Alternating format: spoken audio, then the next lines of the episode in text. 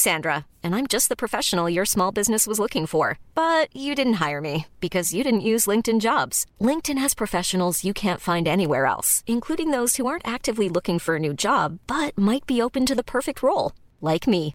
In a given month, over 70% of LinkedIn users don't visit other leading job sites. So if you're not looking on LinkedIn, you'll miss out on great candidates like Sandra. Start hiring professionals like a professional. Post your free job on linkedin.com/people today. Burrow is a furniture company known for timeless design and thoughtful construction and free shipping, and that extends to their outdoor collection. Their outdoor furniture is built to withstand the elements, featuring rust-proof stainless steel hardware, weather-ready teak, and quick-dry foam cushions. For Memorial Day, get 15% off your Burrow purchase at burrow.com/acast and up to 25% off outdoor. That's up to 25% off outdoor furniture at burrow.com/acast. Hey Dave, Yeah, Randy. since we founded Bombus, we've always said our socks, underwear, and t-shirts are super soft. Any new ideas? Maybe sublimely soft. Or disgustingly cozy? Wait, what? I got it. Bombus. Absurdly comfortable essentials for yourself And for those facing homelessness. because one purchased equals one donated. Wow, did we just write an ad? Yes. Bombas. Big comfort for everyone. Go to bombas.com slash ACAST and use code ACAST for 20% off your first purchase. Före vi inleder dagens samtal tänkte jag passa på att säga att mitt sommarprat nu finns för den som är intresserad. Det har sänts på Ålands Radio och finns därför på deras kanaler. Eh, sök på Ålands Radio sommarprat på någon poddplattform så kommer ni att hitta det. Ni kan också söka på mitt namn där, Jannik Svensson. Jag vill också eh, säga att eh, det just nu är tuffa tider även för mig, så allt fortsatt stöd via Patreon och och eh, Swish och Paypal är otroligt uppskattat. Så om du inte redan har donerat till den här podden, fundera gärna på det. Det hjälper mig att fortsätta göra content vecka efter vecka. Ha ett jättefint samtal.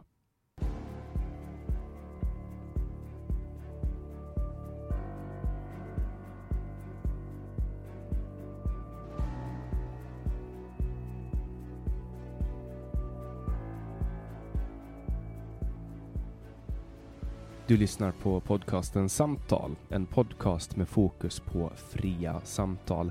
Jag heter Jannik Svensson och jag vill bjuda in dig till vår samtalsgrupp på Facebook. Länk till den hittar du på hemsidan www.samtal.ax. Jag blir också superglad om du vill vara med och hjälpa att stödja det här projektet. Det kan du göra på www.patreon.com samtal eller genom att swisha mig på nummer 070 3522 472. Länkar och nummer hittar du på hemsidan www.samtal.ax.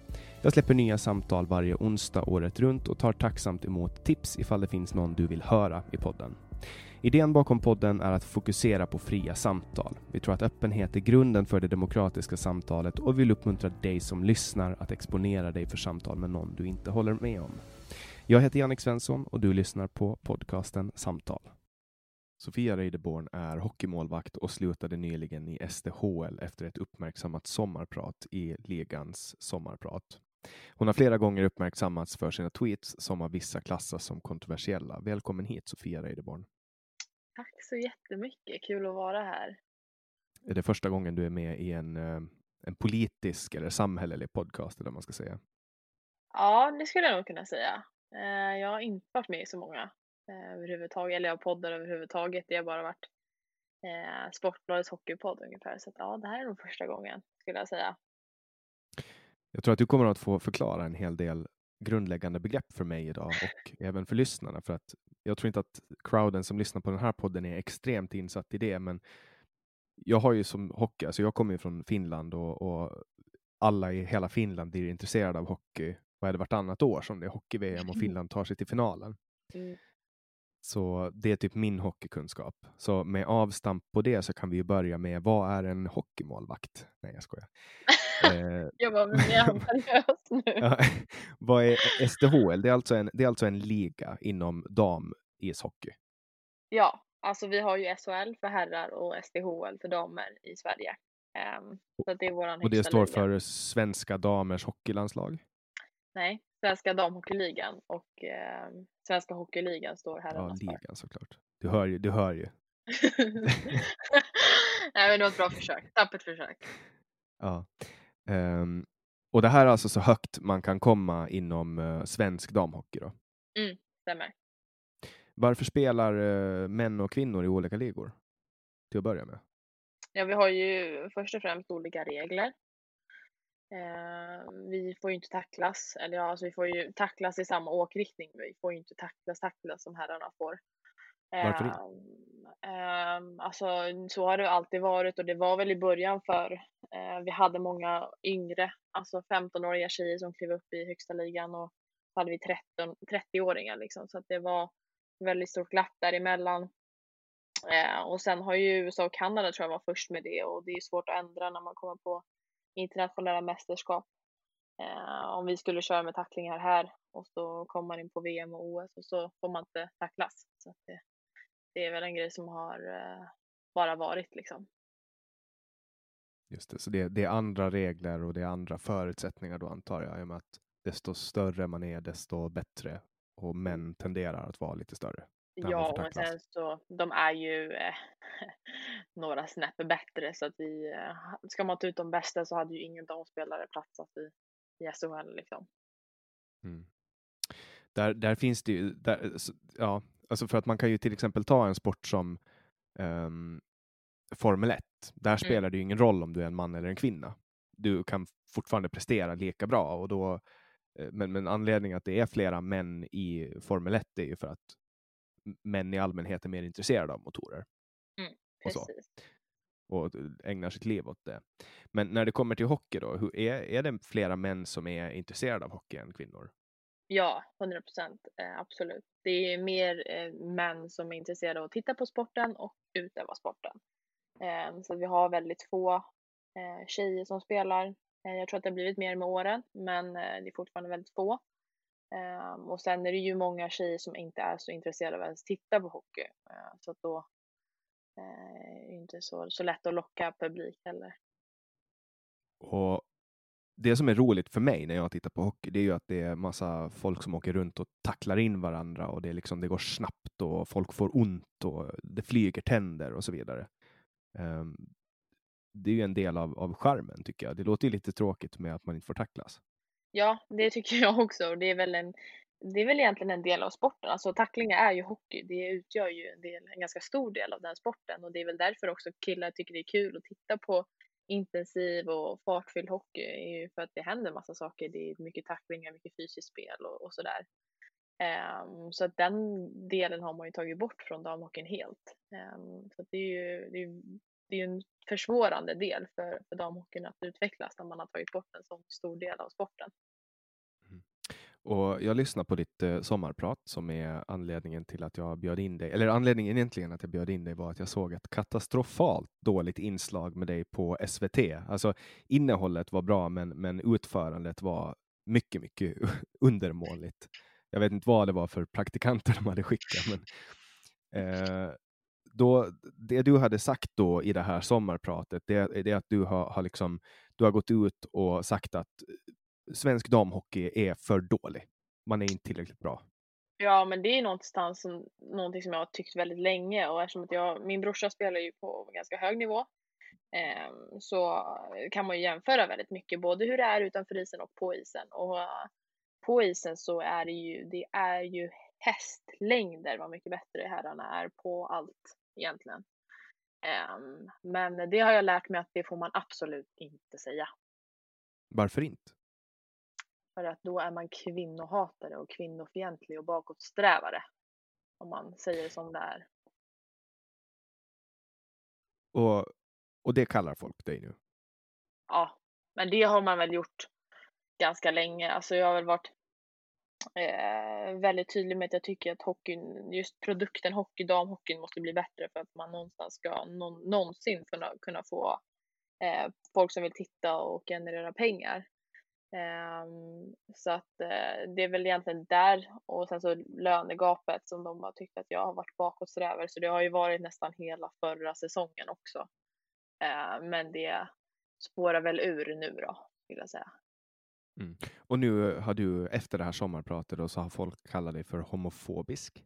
Mm. För att du tycker att, att, man, att, att folk i laget inte ska få ha eh, romanser. Stämmer. Jag sökte ett jobb en gång där en partner jobbade. Och eh, jag fick ett nej därför att de hade som en policy att man inte fick ha kärleksaffärer på jobbet. Det var uttalat i deras policy. Därför reagerar jag på att det ska vara konstigt över att folk tycker att det är konstigt att du uttalar dig om att man inte ska få ha kärleksaffärer om man ändå liksom spelar i samma lag. Ja, alltså det är det som jag tycker är så, så otroligt konstigt med allt det här. Att jag förstår att man absolut inte kan eh, förbjuda att man blir kär i någon. Men någonstans så har ju företag ofta intercompany dating policies och, och så vidare. Och jag tycker att det är så konstigt att varför kan man inte få, få implementera det i damhockeyn? För att vi hade fem par eh, förra säsongen. Eh, så det är liksom tio personer som var i en relation med varandra. Och hur många är det i ett hockeylag? halva laget ungefär. Um, vi var väl kanske mellan 18 och 20 spelare, så det var väldigt många. Det var en utgörande majoritet faktiskt. Så, ja, men det är ju det är ju 50 procent av hela laget är en Mm. form av, av kärleksaffär med den andra. Det, kan ju, det låter ju som att det kan bli lite spännande situationer som uppstår av det. Ja, men också att det, vi har många i laget som har haft relation med varandra tidigare och sen eh, har hittat en ny säsongen efter. Så att då blir det också så här, äh, kanske blir lite svartsjuka och det blir lite drama på grund av det och sådär. Så att det finns mycket chanser till drama och jag tycker att det är så konstigt att man inte får påtala att det kan bli ett problem eh, utan att bli stämplad för homofob. Men hur blev det här ens en fråga om homofobi? Om, du, om det du pratar om var relationer och alla råkar vara... Nu, nu råkar det sig så att det här är ett damlag och att de är ihop med varandra, men hur blev det här homofobi? Eh, Det får du fråga hon som skrev att det var det i laget. Alltså jag vet faktiskt inte hur man kan tolka det som det, men hon pratar ju om mycket om att dam, alltså damhockey ska vara ett så här gay safe space. Eh, Men jag ser det nästan som att vi är väl där för att spela hockey och jag, alltså, skiter väl i vad fan du har för sexuell läggning eller så, utan jag vill vara där för att spela hockey och inte höra på ditt drama. Eh, Men det, hon pratade om något gay safe space och då känner jag så här, fast då är jag nog på fel plats, skulle jag vilja säga. Men, men alltså 50 procent av laget, eh, det Ja. låter ju som att väldigt, väldigt många är homosexuella inom, inom damhockey. Mm, det är ovanligt många faktiskt. Eh, men det är också någonting som jag, vi pratar om ganska mycket hemma. Att det, det måste ju vara att det är många som har eh, lite manliga drag som dras till, till sporten och det är väl samma sak i fotbollen men samtidigt så är det väldigt många, speciellt i vårt lag, som har kommit till vårt lag och har varit med killar eller haft relationer och varit straight och sen så blivit gay. Ehm, så att jag funderar på om det är så att kanske nå, eh, sporten gör så att man blir lite intresserad av tjejer helt plötsligt. För att, eh, sånt händer väldigt ofta i damhockeyn i alla fall. Ja, eller, eller kanske att när man, är, när man är kvinna och spelar hockey så är man så manlig så att, en, att män inte duger åt det. Nu, nu kommer jag säkert att få skit för att jag skojar lite. Men jag, nej, jag, ty, jag tycker att det är intressant att, att om det är som du säger, att, att 50 procent av, av laget är, är eh, homosexuella. Det låter ju inte som att det, alltså det, låter, det kan ju inte vara en slump, tänker jag. Det måste ju vara någonting som gör, eller så kanske det bara, är det så i alla hockeylag eh, för damer på elitnivå? det är ju väldigt, väldigt olika. Eh, vissa lag är ju, har varit väldigt skonade från att ha relationer och vissa lag har ju ungefär som vi eh, har haft det. Men eh, det är mycket drama mellan lag också, så här, vissa relationer mellan två lag eh, och sådär. Så det är liksom som att man skulle nästan kunna klassa dem också som en liten så här sekt som alla det är inte så mycket utomstående som kommer in och ser hur det är utan det är allting får skötas inom inom den här lilla sekten och sen så har man relationer med varandra och, och sådär lite. Ja, jag skulle nog beskriva det som en sekt. Det låter ju, det låter ju som, att det, alltså som att TV5 borde titta in och göra någon form av produktion av det här. Alltså vi har pratat Eh, om det ganska Nästa mycket. Big Brother, typ. Ja, men lite så för att eh, man pratar, alltså jag pratar med så många om det här när jag berättar om stories som händer i damhockeyn och sådär. De bara, men hallå, det är ju, det är ju nästan som Paradise Hotel. Och det känns lite så ibland faktiskt. Och ditt lag då, det, eller ditt före detta lag, du har ju lämnat det nu, var SDE. Mm. Japp. Och det är, nu får du belysa mig igen, det är ett av de bättre lagen i Sverige. Nej. vi har varit eh, ganska dåliga alla år. Eh, men eh, när förra säsongen så tog vi oss till slutspel och kom väl sex av tio lag ungefär. Om sexa i alla fall. Okej. Mm. Vad, vad är det som har gjort att det har blivit så stort kring, kring det här då? För att det har ju fått, alltså det, jag såg ju det här i, eh, på SVT, Aftonbladet, Expressen, allting nu förra veckan. Och det var så jag fångade upp det här och så såg jag att du har, eh, du har inte twittrat länge, eh, ett och ett halvt år, men du har nästan, ja, du har 4500 följare Mm. på Twitter. Det, du har ju byggt en, en rätt stor följarbas på den korta tiden som du har hållit på. Ja, det har gått fort. Vad, vad, vad beror det på att, att du har fått den här följ, följarskaran? Nej, men jag tror att det är många, alltså det som jag känner i alla fall identifierar damidrott generellt, det är mycket att man går ut i media och det ska vara snyftreportage och det ska vara så synd om oss och vi tjänar inte lika mycket pengar som herrarna och jada, jada, jada. Och jag var så jävla trött på det rent ut sagt, alltså verkligen. För jag tycker att det inte genererar sporten någonting förutom dålig publicitet. Um, så jag kände att nej men nu får det fan vara bra för att alla tycker inte så här. Ehm, och jag tror att när jag gick ut och pratade om kanske lönegapet och de här sakerna så, så var det folk som kände att eh, eh nej men det, så här tycker jag, så här har jag alltid tyckt men jag har inte vågat säga någonting och nu var det någon som vågade stå för det. Ehm, så jag tror att det var så det började och sen har det bara rullat på i och med att jag tycker och tänker ganska mycket. Vad, vad är, hur stor är, är löneskillnaden då bland eh, uh, elitherrar och elitdamer? Oj, alltså herrarna kan väl tjäna, alltså SHL mellan kanske 30, 40, 50 tusen till 300 000 i månaden. Det beror på hur ung och gammal du är och vilken erfarenhet du har. Eh, men vi damhockeyspelare, jag, jag tjänar noll eh, och det är många av de alltså lagen i, i serien som tjänar noll, de spelarna, men de bästa lagen, ungefär Luleå och HV, kanske har en lön på 20-30 tusen i månaden. De bästa spelarna då. Så de, de bästa spelarna i damhockeyn kan tjäna en medioker lön för ett herrlag? Ja, det blir kanske lite sämre, skulle jag säga. Hur är skillnaden på tittarsiffrorna då, besökssiffrorna? Ja, det är väl det som gör att det är otroligt rimligt. För att jag tror att de bästa lagen i SHL snittar väl ungefär 12 000. Alltså jag tror Frölunda låg på 11-12 000. Eh, kanske 8. Mm, de mellersta och det sämsta låg på 5-6 000. Eh, men vi då, alltså mitt lag som hade, ja, mitt förra lag som hade mm, sämst publiksiffra i serien låg på 48 personer per match. Och de bästa, Luleå, kanske låg på 400. Och, och löne, lönen delas ut då till lagen enligt biljettförsäljning och sponsorpengar? Nej, alltså det är väl olika. Vi har ju, eller vi hade två privatpersoner som betalade för allt. Eh, som gick in med pengar och betalade för resor och, och allt som behövdes, alltså utrustning och sådär.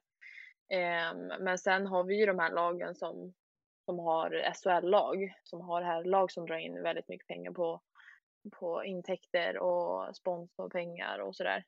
Eh, Och juniorer som går runt och säljer bullar?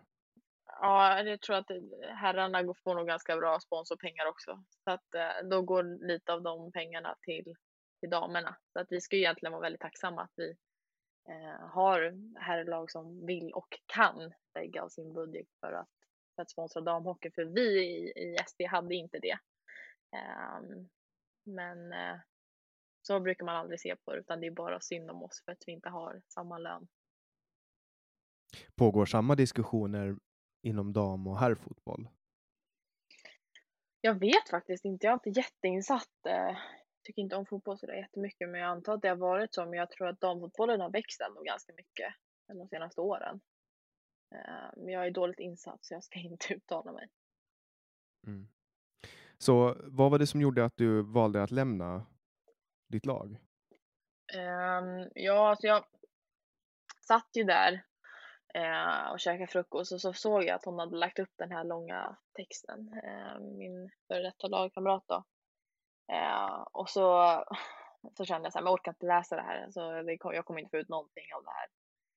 Och sen så blev det ju en jättestor grej. Jag tänkte att om jag inte svarar på det så kommer inte jag, så kommer det inte växa och då kan vi bara ta det här eh, när vi börjar. Men det växte ju ganska kraftigt där och så ringde en massa journalister och så blev det jättestort och sen så pratade jag med våran ledning eh, på fredagen tror jag det var. Eh, och då säger de, alltså deras, de har ju gått ut också och sagt att det var ganska enkla krav som de, de ställde på mig, men det kändes som att de tog sida ganska, eh, ganska fort. Eh, för det var jag som skulle höra av mig till henne. Eh, jag skulle höra av mig till dem som eh, hade känt sig kränkta över det som jag hade sagt.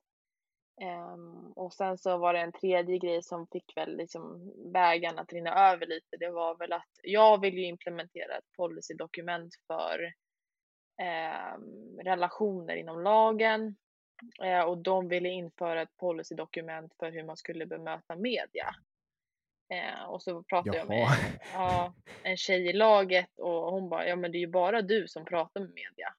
Jag bara, ja, så att det var nog bara för, för mig då. Så det kändes som att hon tog ganska kraftig ställning.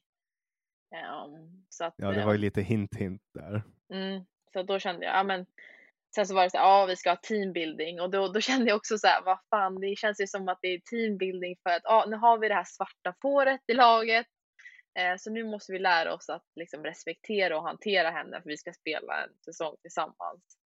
Eh, så då kände jag, vad fan alltså ju, det här kommer inte gå bra. Den här säsongen kommer inte sluta bra och jag har varken spelarna eller ledningen riktigt på min sida så att jag gör dem en tjänst och bara kliver av. Så kändes det. Mm.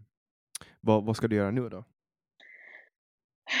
Oj, um, jag vet faktiskt inte. Jag har fått lite ett tränarförslag um, och uh, ett, uh, jag ska träna kanske med ett division 3-lag, herrar då, um, och sådär. Så att, alltså det är lite, allting är lite flytande, ingenting som är riktigt satt än. Utan det... Alltså att du ska spela eh, hockey med division 3 herrar eller träna ja, division 3 Nej, jag ska spela med ett division 3 herrlag och sen så ska jag vara tränare för ett division 2 herrlag som det ser ut nu. Vi får se. man får alltså, man får, det får alltså vara kvinnor i herrhockey? Ja, ja. Ja, gud ja. Får det vara herrar i damhockey? Nej, det tror jag absolut inte. Så det går ena vägen? Ja, det tror jag. Alltså, jag kan inte reglerna, men jag tror att hade den här spelaren kommit och spelat damhockey så hade nog han dominerat rätt kraftigt. Det har väl varit lite problem med det i idrottsvärlden i USA, folk eh, som eh, byter kön till mm. kvinnor mm. men mm. ändå är fysiskt överlägsna. Mm. Ja, men det kommer ju bli ett problem förr eller senare. Det känner man ju. Ja, ja det, det, blir, ja, det, det blir ju inte samma förutsättningar. Det är väl det som är tanken med att, att man har, att man delar in, som jag upplever det i alla fall. Ja, mm. men det, det, det, går egentligen, alltså ska man egentligen tänka efter så går det ju bara åt ett håll. För att alltså kvinnor eh, har ju lite sämre fysiska förutsättningar än män. Så att jag kan ju försöka spela med herrar och, och se om det funkar liksom. Men skulle en herrspelare gå in och spela med ett damlag så skulle han ju vara helt överlägsen och det hade inte ens varit kul liksom. Mm. Jag, eh, jag läste i en bok av Malcolm Gladwell, Outliers mm. heter den, om, om den här. Eh, det finns ju andra saker inom hockey som man har kollat på just när det kommer till folk som är födda i början på det, alltså januari, februari, tenderar att vara mycket, mycket, mycket bättre på elithockeynivå. Jaha. För att de, Ja, du har inte hört talas om det här? Nej, aldrig. Okej, okay, okay. okay, men då ska jag, då ska jag briefa. Um, folk som är, om man kollar på de bästa spelarna i världen uh, i hockey någonsin, så är nästan alla födda i januari och februari.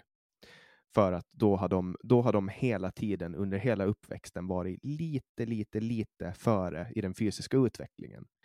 Uh, och det har gjort att de hela tiden haft ett litet, litet, litet försprång som sen utslaget på 20 år och en 20-årig hockeykarriär gör att man blir mycket, mycket bättre. För det här, den här lilla försprånget växer och blir större och större och svårare för dem att komma ikapp de andra. Ja, men det låter ju ändå, alltså när man lägger fram det på det sättet att de har ju, om man spelar i sin ålder, alltså åldersgrupp så är det ju, så låter det relativt rimligt faktiskt. Ja, och det tänker ju jag att det är ett bevis för att det finns någon form av, av fysisk eh, skillnad som i hockey är relevant för hur långt man kommer eller hur bra man blir. Mm. Sen betyder ju inte det att någon som är född i oktober aldrig kommer att kunna bli bra i hockey, för att någon som är född i oktober kan ju eh, börja med, någon, med ett lag som är yngre. Ja, och Eh, sen så när man kommer upp i, i de här äh, äldre, eh, typ som brorsan nu när han spelar i Ryssland, eh, så är det ju, spelar det inte lika stor roll kanske om man har, kommer upp på samma nivå som, som de andra, bara fast lite senare så spelar inte det någon roll. Han är ju väldigt mycket en late bloomer Adam också. Eh, Och han, han spelar alltså i en rysk eh, liga då? Ja, han spelar i Ryssland just nu. Får han hjälp av eh, staten att dopa sig och komma undan med det? Nej, det hoppas jag inte, men jag vet ju inte. Jag bor ju inte där med honom, men jag, jag hoppas inte det. Har du sett dokumentären Ikaros?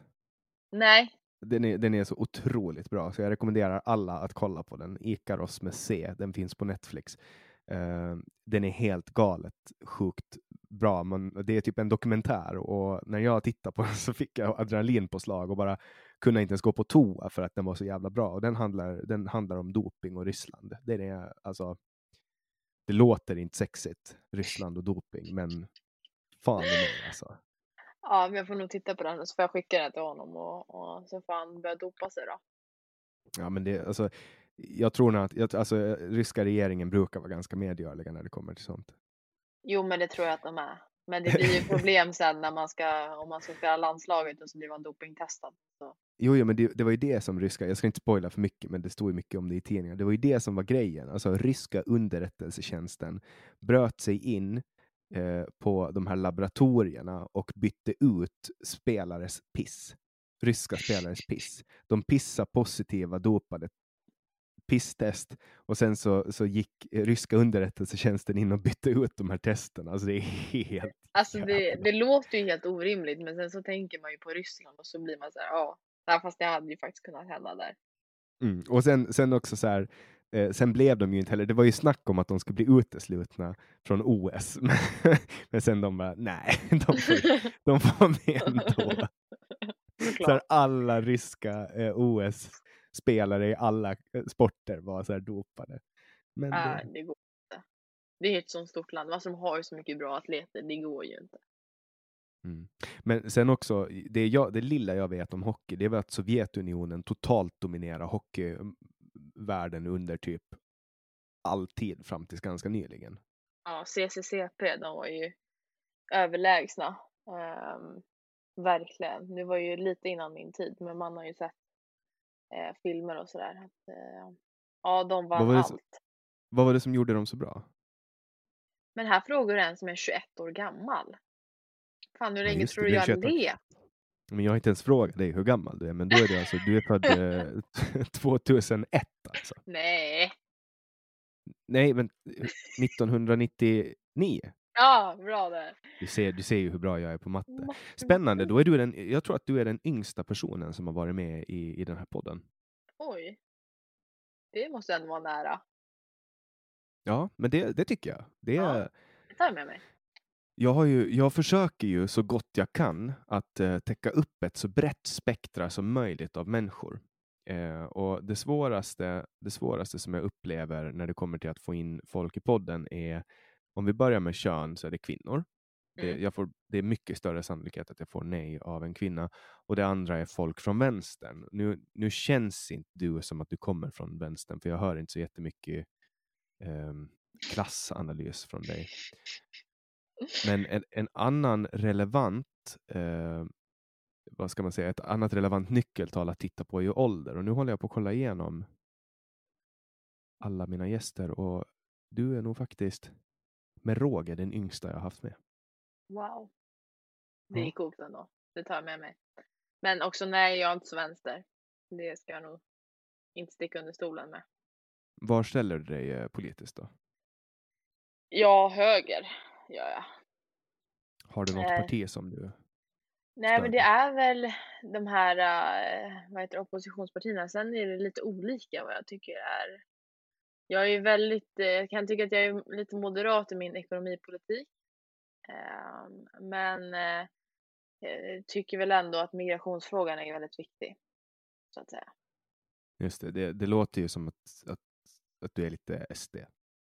Ja, fast jag skulle inte säga att jag tycker om deras politik i övrigt så mycket. Eh, där skulle jag nog säga att jag tycker mer om Moderaterna i deras politik. Så lite mer moderat. Ja, det skulle jag nog säga. Mm. Svårt, att, svårt att placera det där för att man vet inte riktigt vem som sitter i opposition i Sverige också. Nej, Det ska, Nej eh, så- det är är väldigt oklart just nu. Men eh, jag tycker att det är svårt att identifiera sig med ett parti också just för att de är så otroligt eh, kappan efter vinden allihopa. Um, Mm. Så man vet inte riktigt var de står. Får jag fråga vad du röstade? Och Fick du rösta? Jo, det fick du i förra valet. Japp. Om du får gissa, Var- vad tror du att du röstar på? Alltså, var, var bor du någonstans i Stockholm? Stora Essingen. Ja, Stora? Essingen. Ja, nej, du röstar moderat. Du tror det? Ja, det tror jag. Stämmer. Hade jag rätt? Stämmer. Ja. Eh, för det kan man ju ibland, ja, nu, nu är jag grovt generaliserande, men man kan fråga någon var de bor och, och så kan man räkna ut var de röstar. Så om någon bor i Luleå så kan man räkna ut att den röstar på Vänsterpartiet. Ungefär så. Ja, ja, åtminstone på något av de partierna som sitter i regeringen. Nej, kanske inte Miljöpartiet, för de vill ju stoppa alla flyg till Luleå. Man kan, man, de tycker ju att man ska ta tåget dit. De la ju upp någon sån reklam. ja. Nej, men eh, det är ju någonting som man har känt på Twitter i alla fall. Att är det någonting som är genomgående från någon som bor i Luleå, det är att de är eh, väldigt mycket vänster. Ja, men sen kan du också ta typ um, Skanstull i Stockholm. Ja. Där är ju eh, överrepresenterat med feministiskt initiativ. Av någon anledning. Jag vet inte varför. Men Eh, hela Södermalm känns ju som att den är Feministiskt initiativ och Vänsterpartiet och Miljöpartiet ungefär. Som en mm. fin sammansvetsning.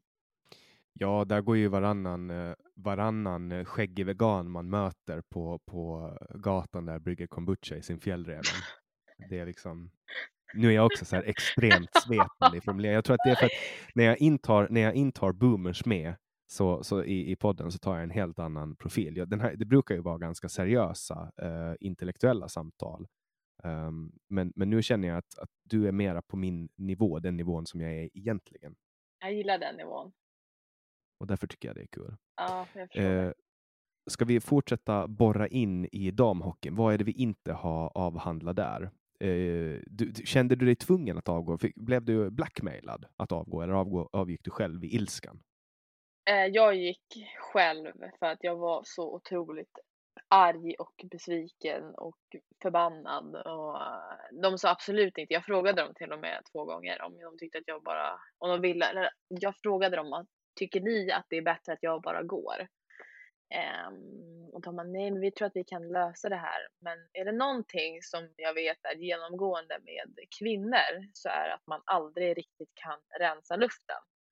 Utan det eh, ligger där och gror. Så att jag kände att ska jag spela kvar eh, och så ska det ligga där och så, ja, så är det någon som alltid kommer snacka skit och så är det någon som kommer bli lite så här småglad när jag släpper in ett mål. Eh, nej, så vill jag inte ha det. Så att jag, det är bättre att jag bara går härifrån. Men det var ingen som sa eh, att jag, eh, eller hade blivit liksom ja, blackmail till att gå. Så var det inte, utan det var mitt eget beslut. Mm. Eh, men, men vad menar du med, med att kvinnor eh, att, har svårt att släppa konflikter?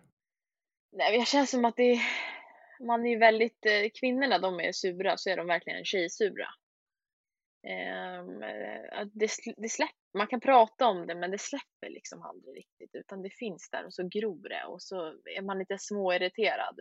Man kan aldrig bara så här släppa det och gå vidare utan det, det sitter kvar där. Eh, det känns i alla fall som att så är ju säkert inte alla såklart men eh, övervägande majoritet är så. Alltså jag försöker bara tänka mig in i hur allt det här skulle behandlas om du var en man och satt och sa de här sakerna.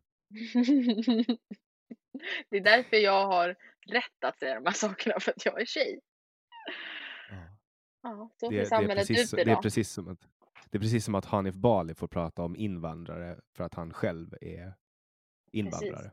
Det är identitetspolitiken. Ja. Mm. Ja, någonting, någonting har ehm, identitetspolitiken gett oss. Ja, men du vet Någonting inte, men är det verkligen så positivt då? Identitetspolitik? Ja, nej men det, att det har gett oss någonting bra. Är det där verkligen Jaha. bra? Eh, nej, det är det inte. Nej. Men alltså, man får ju spela med de regler som samhället har satt, tyvärr. Alltså. Precis. Precis. Annars, annars blir man ju utstött. Men ble, blev du utmobbad av, av eh, din grupp på grund av att du höll på så här? För du var ju redan i årsskiftet var du och skapade kaos. Ja, alltså det är ju, men alltså nej, inte innan. Jag vet att det har varit mycket skitsnack och sådär eh, i laget och så, men det har inte varit, varit någonting som har påverkat mig när jag har varit och, och tränat.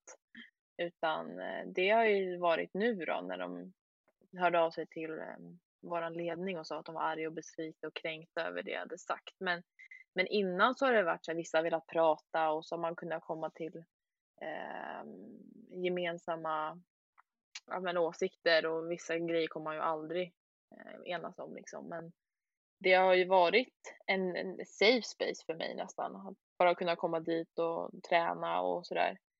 Eh, och nu var väl det också som gjorde att jag inte ville vara kvar utan det var, det kändes inte som att det var det längre utan nu var det mina medspelare, mina motspelare som jag sagt innan och det, det var så det kändes och då är det svårt att spela tillsammans. Liksom. Eh, men så har det inte på, varit på, vilket innan. sätt, på vilket sätt störde det i vardagen med att de hade relationer med varandra? Inte är deras ensak om man är alltså, seriös över det hela. Jo, men det, det tänk, så tänker ju många. Men eh, sen så blir det ju en grej när det kommer till ishallen för att många hade ju inte så mycket runt om. Vi hade många importer och de hade inte så mycket runt om så när man kommer till ishallen så pratades det nästan bara om det. Alltså Eh. importer, att man tar in spelare från andra städer eller Eh, andra länder. Vi hade många, andra länder. ja, många kanadensiskor och holländskor och sådär. Ehm, och de har vissa hade inte jobb och så utan då blev det mycket att de eh, inte pratade så mycket på fritiden kanske utan det blev privatlivet blev också rinken. Um, och det var mycket drama som pratades om på morgonträningarna och det påverkade ju, alltså det är det folk säger, men ni gjorde det så bra eh, under den här säsongen. Men man får, jag känner i alla fall att man får inte glömma att vi hade köpt in nästan ett helt nytt lag från säsongen innan. Um, och eh, jag tror att det var det som gjorde att vi presterade så mycket bättre. Men dramat som vi hade i laget på grund av relationer som var fram och tillbaka, av och på ungefär under hela säsongen eh, gjorde så att vi inte presterade på topp och det var väl det som gjorde mig mest irriterad att det lät det gå ut över eh, det vi var där för att göra och det var ju spela hockey. Eh, kan Hur man lämna... man- Vad sa du? Hur märkte man det här i, i vardagliga livet då? Med relationerna, tänker jag. Hur gick det ut över laget? Nej men det var alltså, vi har en massa olika ehm, liksom incidenter och det, det här som jag berättade i podden var ju en, ehm, när de liksom står och gråter på varsitt håll.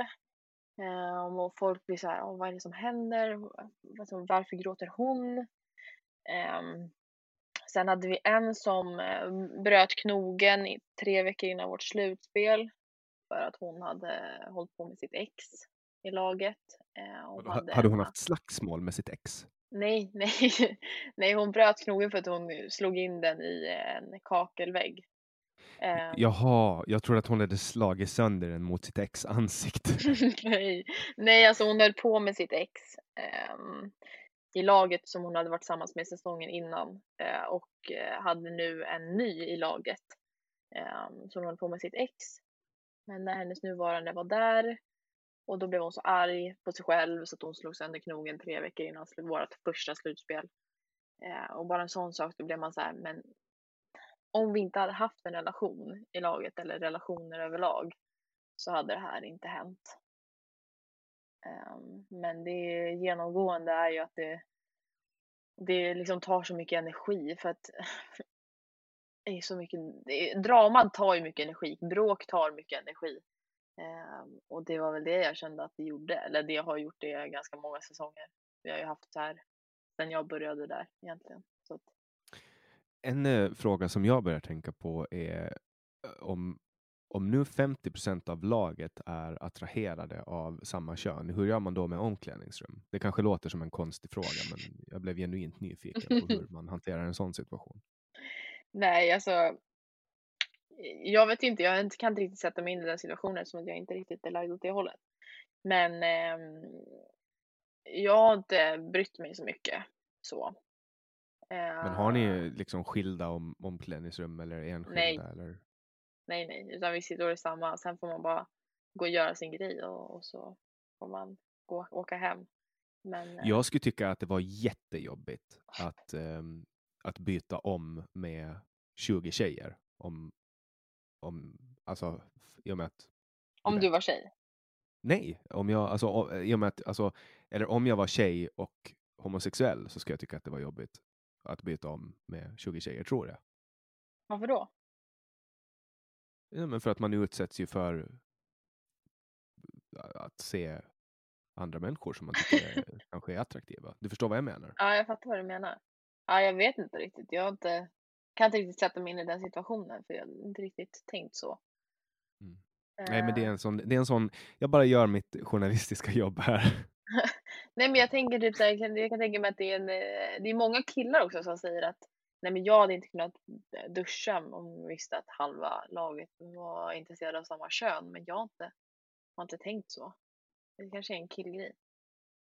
Nej, men det var, en- det var en fråga som dök upp i huvudet. Ehm, för jag, tänk, jag tänker mig, alltså, jag, jag har ju inte hållit på med idrott på det sättet, men jag kommer ihåg hur snacket gick i omklädningsrummet efter skolgymnastiken de få gångerna jag var där. Mm. Eh, det var ju alltid liksom prat och man hängde kvar. Alltså du vet så jag pratar om kanske. Ja, på något, jag vet inte. nej, men jag spelar ju med killar under nästan hela mitt liv. Ehm, så jag är väl mer insatt i den jar- jargongen och trivs mer med den. Men du bytte väl inte om med dem? Jo. Antar jag. Jo. Du bytte om med killarna och duschade Ja. med killarna? Nej, inte duschade då, men bytte om. Ja. okej. Mm. Ja, det ska vara lite. Jag vet inte. Sen, sen, är det ju hela den här grejen, för att jag tror att anledningen att det här blir så stort ehm, är väl på grund av att du bryter mot någon form av, av normer när du går ut och pratar om det här. Man, man, alltså det är på något sätt så har samhället satt som eh, eftersträvansvärt mål att, eh, att kärlek ska vara okej, samkönad kärlek ska vara okej, och sen kommer det någon person här och, och ondgör sig över det. Ja, men det är ju det som har blivit problemet. att Det är ju inte bli kär i vem du vill, jag kunde inte bry mig mindre. Men alltså, jag tycker inte att det är önskvärt när man ska gå dit. Alltså, vi vill ju någonstans ha det som ett jobb.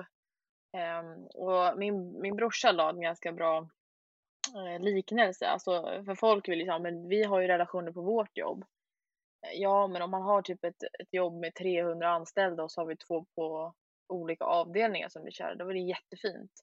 Eh, men om man har, tänk dig att du har ett arbetslag med, med 20 personer så är 10 personer i en relation och så har du lite drama däremellan och sen några ex också så blir det ju problem. Eh, och jag tror att man ska, man ska bara skita i vad det är för slags relation, bara att det är en relation.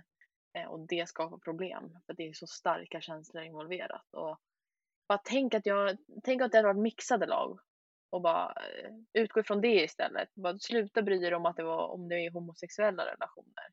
Det känns bara som att man vill missförstå det jag har sagt. För att det kommer från mig och jag har blivit något slags svart får.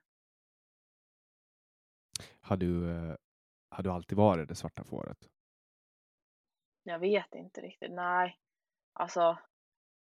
Nej, jag har spelat ändå i SDHL eller ja, riksserien som det var förut. Eh, I fem år snart. Jag blev fyra. Jag blev aldrig fem, jag blev fyra.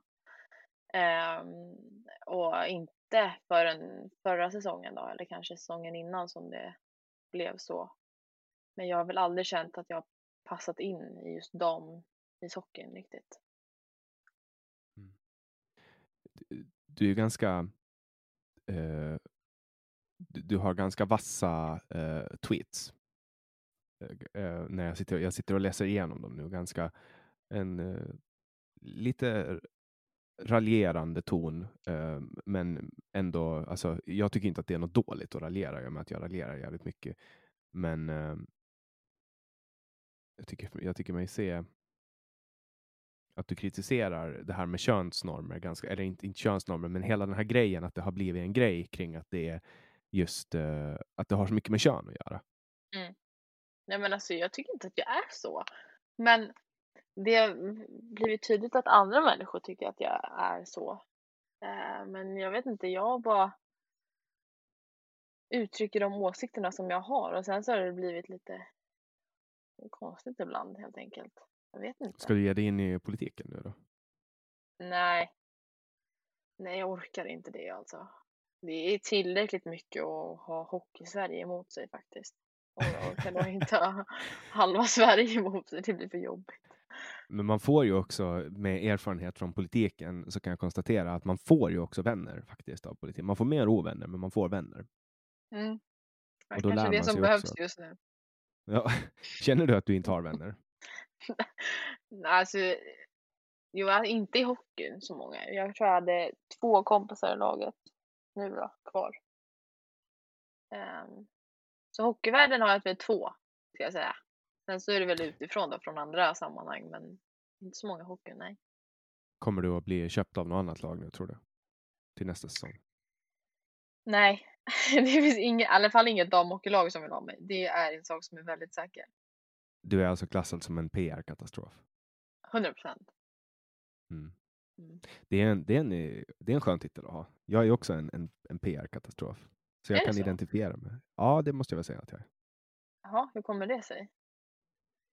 Nej, Men jag, ehm, jag brukar prata om det ibland för att det är en så, det är en så konstig grej. Men jag, jag skojar om droger precis efter jag hade blivit invald i Ålands lagting.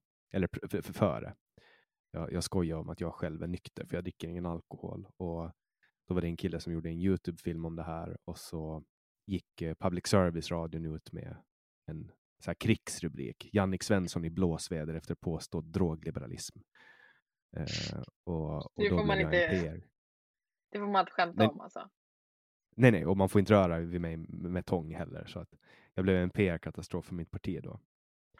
Ja, jag förstår hur du känner.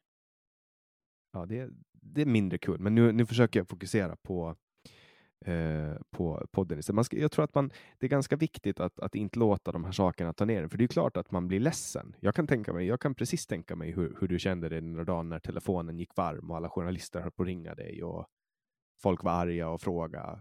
Var det så eller?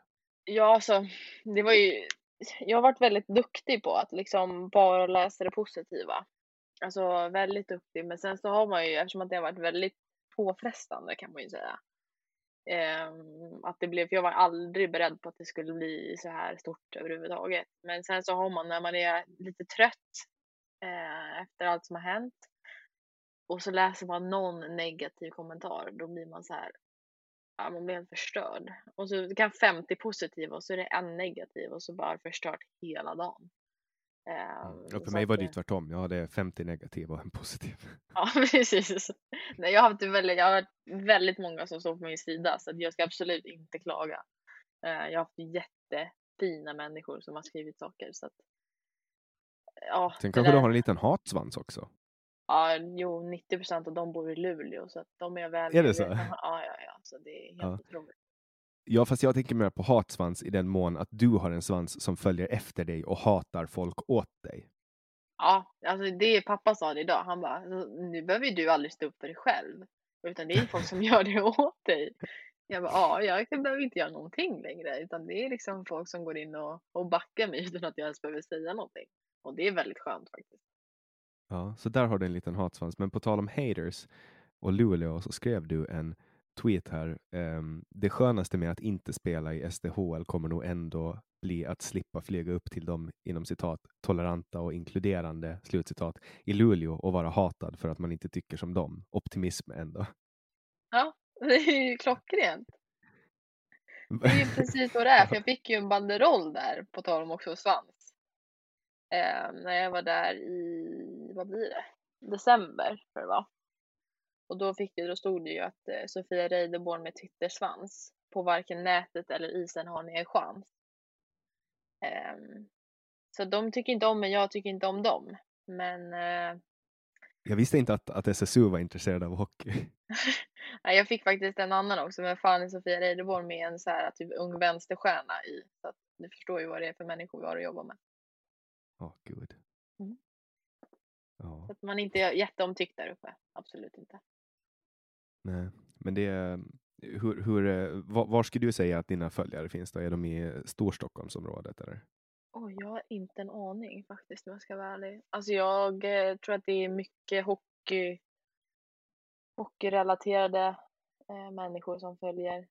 Eh, de som kanske följer herrhockey men inte så mycket damhockey. Men sen så har det blivit mer eh, politik nu. Men jag har ingen aning om var de bryr, eller bor eller så. Men min brorsa spelade ju i Djurgården innan.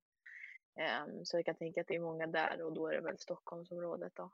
Men eh, jag tror att det är väldigt olika. Mm. Och det är väl typ Östermalmare som hejar på Djurgården. Ja, det finns lite överallt. Alla djurgårdare tycker inte om mig. Det ska man ju. Det ska man ju säga. Men eh, Vad, vad har du för utbildning då? nej, jag har ju bara pluggat på gymnasiet och sen så nu pluggar jag HR. På universitetet då? Ja, Vilket universitet? Nej, men jag har köpt en, eh, en utbildning faktiskt. Du har köpt en är- utbildning? Ja, för just det jobbet som jag jobbar som rekryteringsassistent. Ehm, och då har jag fixat den därigenom. Just det. Det låter ju lite överklass över det hela. Du hör ju att jag försöker placera dig nu. Jag bor inte på Östermalm och jag skulle inte definiera mig själv som en Östermalmsbrud så att säga. Om det är det facket du försöker lägga mig i. Nej, men någon form av eh, överklass låter det ju. Du bor i hus om jag har förstått det rätt. Mm, med mamma och pappa. Ja, okej då. Ja, ja, men det är så här. Jag glömmer bort att du är 21. Mm. Det, det, det är lugnt. Eh, Men, men på vardagarna så jobbar du alltså som rekryteringsassistent. Ja, stämmer. Och hur, har, men det har absolut ingenting med sport eller hockey att göra överhuvudtaget, utan det är bara ett jobb. Ja, alltså nej gud. Det är, även fast min chef tycker om hockey väldigt mycket så är det väl inte, alltså det har ju ingenting med hockey att göra. Det är ju liksom ringa och ha telefonintervjuer typ så att det, det är ganska skön omväxling att slippa tänka på hockeyn. Men nu blir det Vill vet du- jag inte vad det blir så att ja, vi får se. Vill du göra hockey till ett, kommer du att satsa på det eller, eller kommer du att göra någonting annat? Alltså, det är ju väldigt oklart just nu. Eh, jag vill ju träna den här säsongen och se om det, om det kan bli bättre till nästa säsong i SDHL, men eh, jag tvekar på att det, det kommer förbättras på ett år, så att säga. Är du Ehm, bra på hockey då? Alltså, vad är det här för fråga? Ja, men vadå, vad ska, inte vet jag. Jag kan kolla på någon, jag kan, jag kan, jag kan googla. är Sofia Reideborn bra på hockey? Ska vi se. Efter, nej, här kommer det bara. Nej, jag fick inte svar på det. Nej, Så, fan. Det beror på lite vem du frågar. Frågar du ett Luleå-fan? Nej. men om man tar statistik då? Det måste ju finnas statistik på hur många mål du har släppt in. Ja, men jag har ju spelat i eh, ett av de sämsta lagen, men fått mest skott på mig ungefär. Ehm, så jag har väl legat på, vad blir det? Det, det kommer ju inte säga dig någonting i och för sig. Men eh, 91-92 är räddningsprocent de senaste tre år säsongerna. Då. Och vad, vad ligger den bästa på? Jag kommer inte ihåg, men jag kom femma i målvaktsligan tror jag. Och det är alltså femma i alla damer i hela Sverige? Eller? Ja, men det är den ligan precis. Alla Men det, då är du ju den femte bästa i din liga. Det ger mig en, en lite klarare bild på, Ja, ja det, på vad det det kan du ju säga. vet, Men det, är research- det är ju utländska målvakter också, så det är ju inte bara svenska. Okej, så då är det alltså... Okej, men då är det... Okej. Men- Och hur många ligor finns det ovanför dig? Det är ingen i Sverige, men det är ju lite, oli- alltså, det är lite oklart nu för kanadensiska ligan eh, la ju ner förra säsongen för att den inte gick runt. Ehm, och sen hade vi ju ett, en liga i, i ehm, USA, men den är inte så bra just nu i alla fall. Vet inte hur den kommer bli nästa säsong. Ehm, och sen finns det lite ligor. Eh, Ryssland har ju en liga. Alltså jag vet inte riktigt om man ska, vilka ligor som är bäst just nu, men SDHL är en av de bättre i alla fall. Så då är du alltså en av de bästa kvinnliga hockeymålvakterna i Sverige? Det står får stå för dig.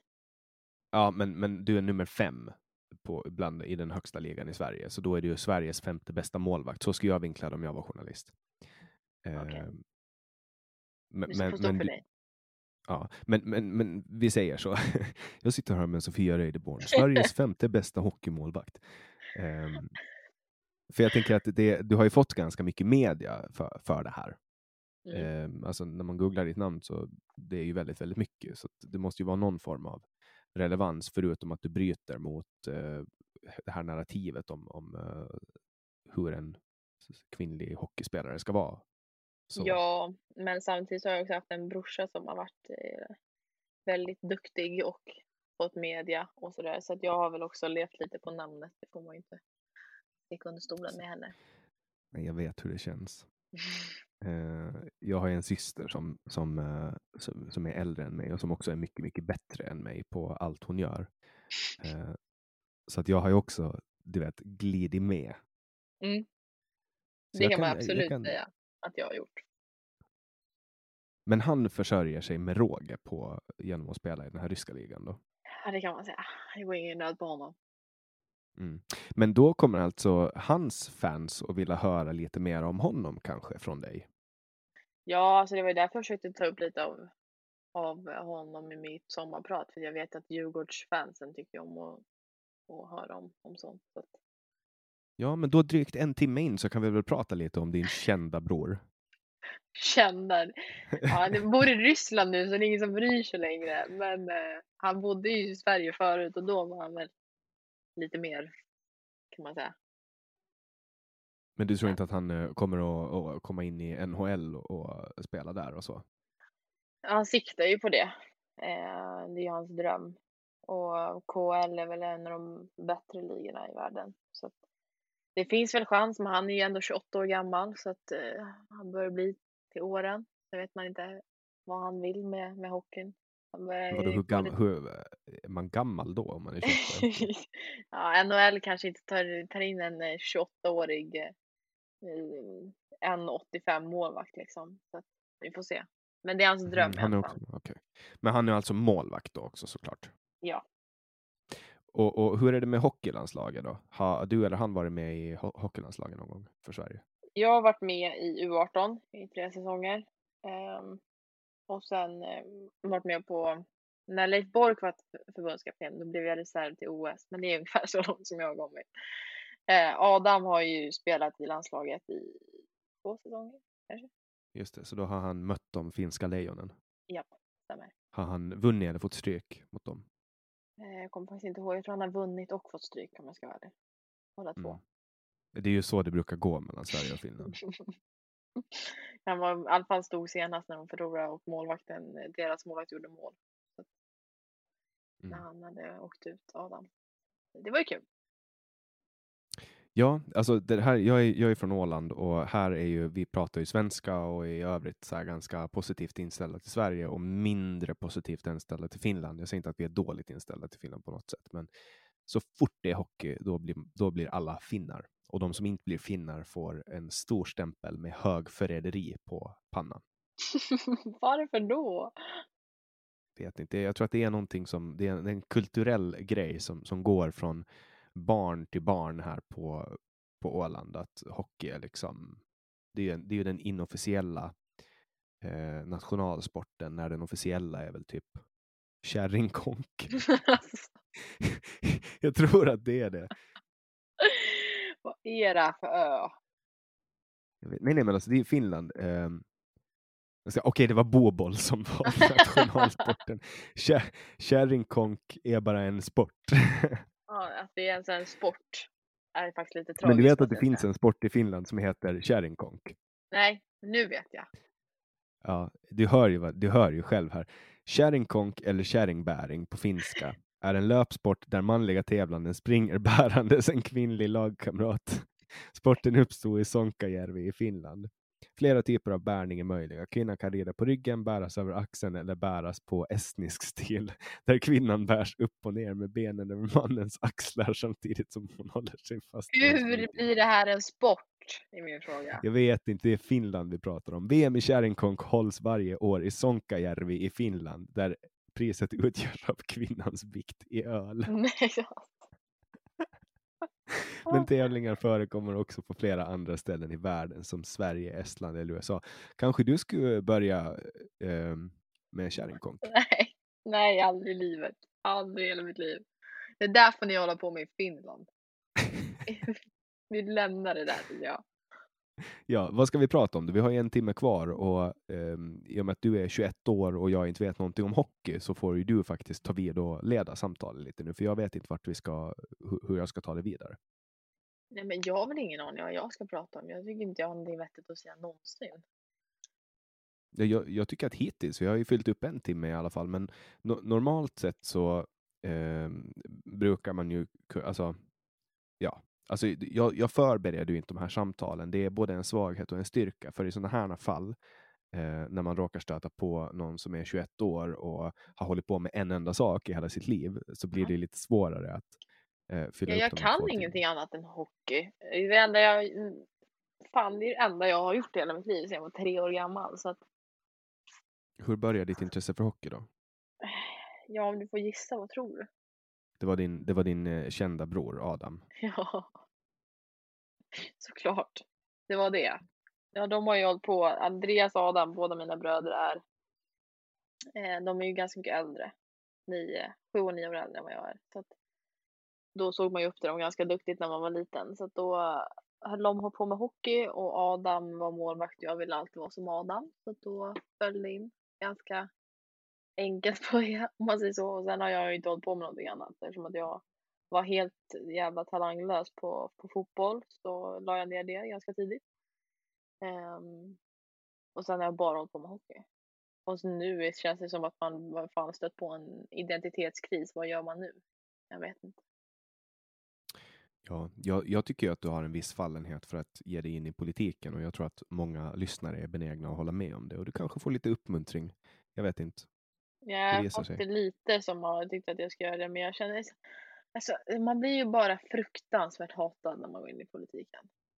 Alltså det är inte det man ska fokusera på. Jag tror att man ska fokusera på det man kan förändra. Alltså de sakerna man kan förändra. Och sen ska man låta människor som inte tycker som en själv styra helt och hållet. Det är det frågan, Nej, tror jag. men det, jag vill ju gärna förändra damishockeyn. Men problemet är ju att de som tycker om damishockeyn tycker inte att jag har rätt. Så då blir det problem. Mm. Det hade varit ja, kul att förändra faktiskt. Jag tänker att det är en bra plattform att, att utgå ifrån. Eh, att du har liksom kunskap och erfarenhet från någonting. Jag tror att det kan vara ett bra startskott för, för en ny politiker. För att Sverige saknar eh, politiker. Folk som kan, alltså det är väldigt många som sitter hemma och tycker saker och, och är kloka och smarta men som av samma anledning som du inte ger sig ut i politiken. Ja, men du tittar ju på Twitter liksom och så tittar man på de här politikerna. Alltså, de har ju inte en lätt vardag. Och jag som har fått liksom eh, en procent av det, knappt det, typ 0,5 procent av det som de står ut med och jag håller på att gå under. Då är det, ser inte ljust ut så att säga. Du kan bli influencer. Nej tack. Alltså, det måste ju vara ett yrke som borde gå i konken snart, snälla. Ja, men du har ju ändå du har 2500 följare på Instagram, men du har, en, du har ett låst, ett privatkonto. Mm. Det är för att jag vill att inte damhockeyspelarna ska in och titta och kika. Jaha, men du tror inte att de kan uh, starta ett fake-konto? Ja, jag har tänkt att människor kanske inte går så långt enligt min erfarenhet så går människor väldigt långt. Speciellt när det kommer till nyfikenhet. Jag kommer från en småort. Kanske. Vad skulle du annat kunna tänka dig att bli när du blir stor då? Nej, men jag vill verkligen jobba med damhockeyn. Alltså, det hade varit, drömmen är ju typ att sitta på förbundet och bestämma över det. Men eh, Eh, det tror inte jag kommer hända. Men eh, det eller typ eh, ta en organisation och driva hela den, deras damhockeyverksamhet. Det hade varit kul. Um, ja. Eller hockey bara generellt. Målvaktstränare det kan det bli. Hade jag hade lätt kunnat bli målvaktstränare i Ryssland. Det hade varit roligt. Mm. Ja, de ska ju hålla med dig där om, om, om, om homofobiska Jag, åsikter. jag tror att de hade hyllat mig om jag hade blivit kallad homofob. Ant- Antagligen, det är en merit om det ska bli hockeytränare i Ryssland. Du kan sätta det som, du kan sätta det som så här, ehm, i, i ditt CV. Ja, vi skickar länkarna. har, kall, har kallats homofob av bland annat svensk statstelevision.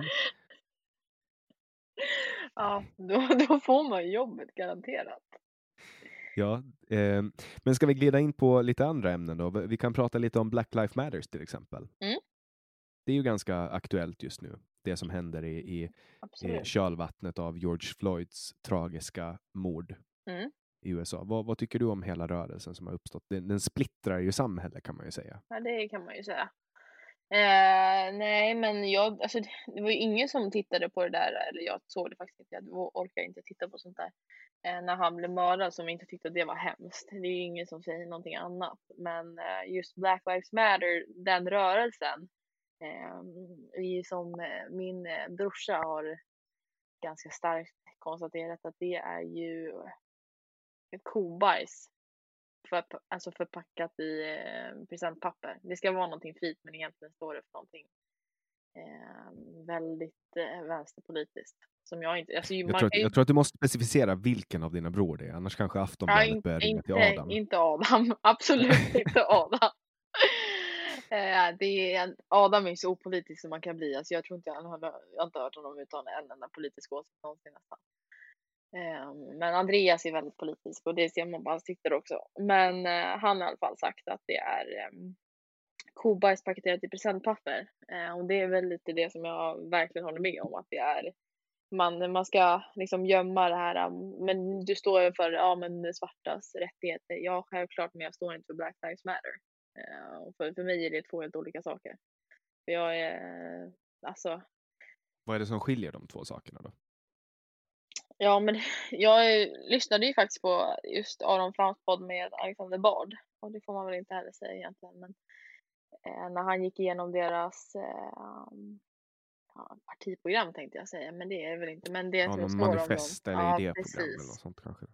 Ja, och det låter ju nästan lite ryskt med kamrat och, och det här fina eh, som de försöker, försöker framföra. Men det låter mer som Vänsterpartiets parti- partiprogram. Eh, och det står ju inte jag bakom. Jag står ju bakom för alla, alltså så här, men alla ska ha samma rättigheter i samhället. Jag tror inte att det är någon som egentligen ifrågasätter det, men just den här rörelsen som har blivit väldigt politisk, den står inte jag bakom för fem öre. Absolut inte. Eh, så, så det här med att riva ner statyer, Ja, men det är ju så på- jävla genomkorkat. mm, då har vi Hur- någonting där som vänstern kan hacka på. Ja, men hur kan man ens dra den parallellen? Alltså nu ska vi ra- radera historien genom att mm, skicka ner en massa statyer. Hur kan det ha någonting med George Floyd att göra? Det är ju, det är ju ja, fan, nej, jag förstår liksom. Det känns som att tankegångarna, det räcker liksom inte längre än näsan räcker. Typ. Alltså det är helt otroligt. Samtidigt så har ju den här rörelsen blivit så enormt stor. Kan alla Mm. de här människorna ha fel? Absolut. Ja, Vad är det som gör att så många människor bara sväljer det här om det är som du säger då, att det är någon form av marxistisk eh, organisation? Vad är det som gör att så många sväljer ner det här och bara kör på? Men det är för, För att det här har är ju för- fått brett stöd. Ja, gud ja. Men det är också för att det är paketerat i presentpapper. Det är liksom bajs paketerat i presentpapper. Och det är så många som inte tänker idag. Och speciellt folk i, i min ålder och min generation som absolut inte använder hjärnan för fem öre och läser på eller läser någonting överhuvudtaget. Utan man ser det som influencers lägger upp och så bara, då följer man med. Eh, och det är ju någonting som jag skrämmer mig över. Att det är så många i min ålder som bara ser typ vad Bianca Ingrosso lägger upp och, och så följer man efter det. Och då, då har vi problem. Det ska bli så spännande att se om det kommer en, en rubrik nu på Aftonbladet. Sofia Reideborn, citat.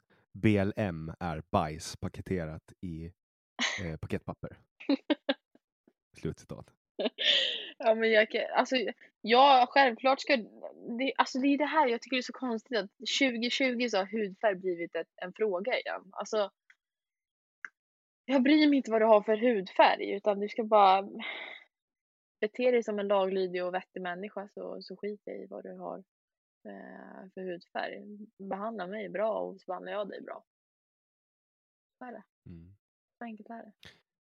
Ja, det, det är inte lätt att kritisera mainstream-rörelsen, men det återstår att se. Eh, ska vi glida in på nästa ämne då som jag tänker att kan vara lite kul att höra vad du tänker på. Det har ju varit mycket snack om eh, sommarpraten och speciellt från public service och Greta Thunbergs sommarprat har ju varit väldigt eh, högaktat. Har du eh, lyssnat på det? Absolut inte.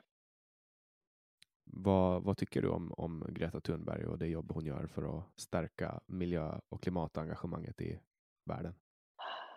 Jag kan ju säga att jag är väl en av dem som skulle klassas som klimatförnekare. Om man, om man nu kan vara klimatförnekare. Jag förnekar inte att vi har ett klimat, men att det... Eh, alltså, vi har ju haft tio år på oss i 40 år ungefär, om man har läst rätt.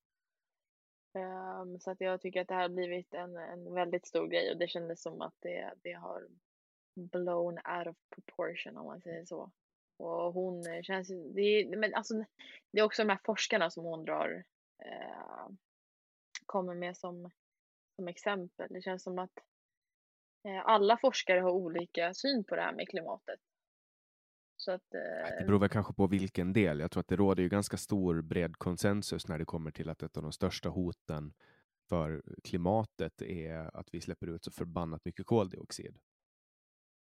mm, Det tror jag inte att någon förnekar, men sen finns det ju folk som säger att vi har tio år och vi har så och ja, så men har det många inte varit år. Och... tio år i de senaste 40 åren? Ja, alltså man har ju dra... man har ju hållit på med den här alarmismen hur länge som helst. Ja. Men det har ju att göra på att människor har vu- vunnit saker på det. Ja, men det kändes också lite, ja, men det kändes också som lite så här när hon kom så var det ju väldigt mycket fokus på just migration och, och så.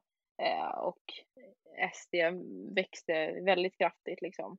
Eh, så det här kändes som ett sätt också för eh, våra medier och vänstern att eh, skifta fokus från migrationsfrågan till en klimatfråga och sen så blev hon hur stor som helst.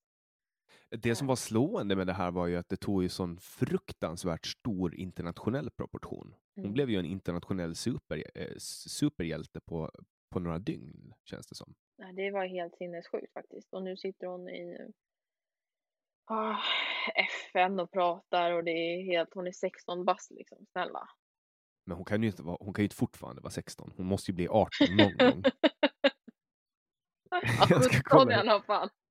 Jag ska kolla. Hon är född 3 januari 2003, så hon blir alltså 18 år ehm, om, inte så jättelänge. Så att eh, då slutar Hon hon, är inte ens vara... 16 längre. Nej, exakt. Snart, snart är hon inte häftig längre. Nej, okej, fan. Snart är hon lika gammal som du är nu. Oj. Eller hur gammal är du? Du är 21 var det. Ja. Så, Ja. Så nej, jag är inte riktigt mycket för den här klimatrörelsen faktiskt, om jag ska vara ärlig men, men du tror att, att människan påverkar klimatet? Eller? Alltså jag har varit lite så här. Um, ehm, någonstans i det här så blir jag också, vi har ju haft väldigt mycket arter på den här jorden väldigt länge. Ehm, och eh, dinosaurierna dog ut och, och sådär. Det här är ju verkligen bara jag som har suttit och funderat helt själv så att det här är ju helt egen teori. Du har Eh, liksom inget som du kan backa upp, ingen studie som du kan backa upp. Ingen forskare som kan eh, tyda på att det här är sant, utan det är bara jag som har suttit och spånat.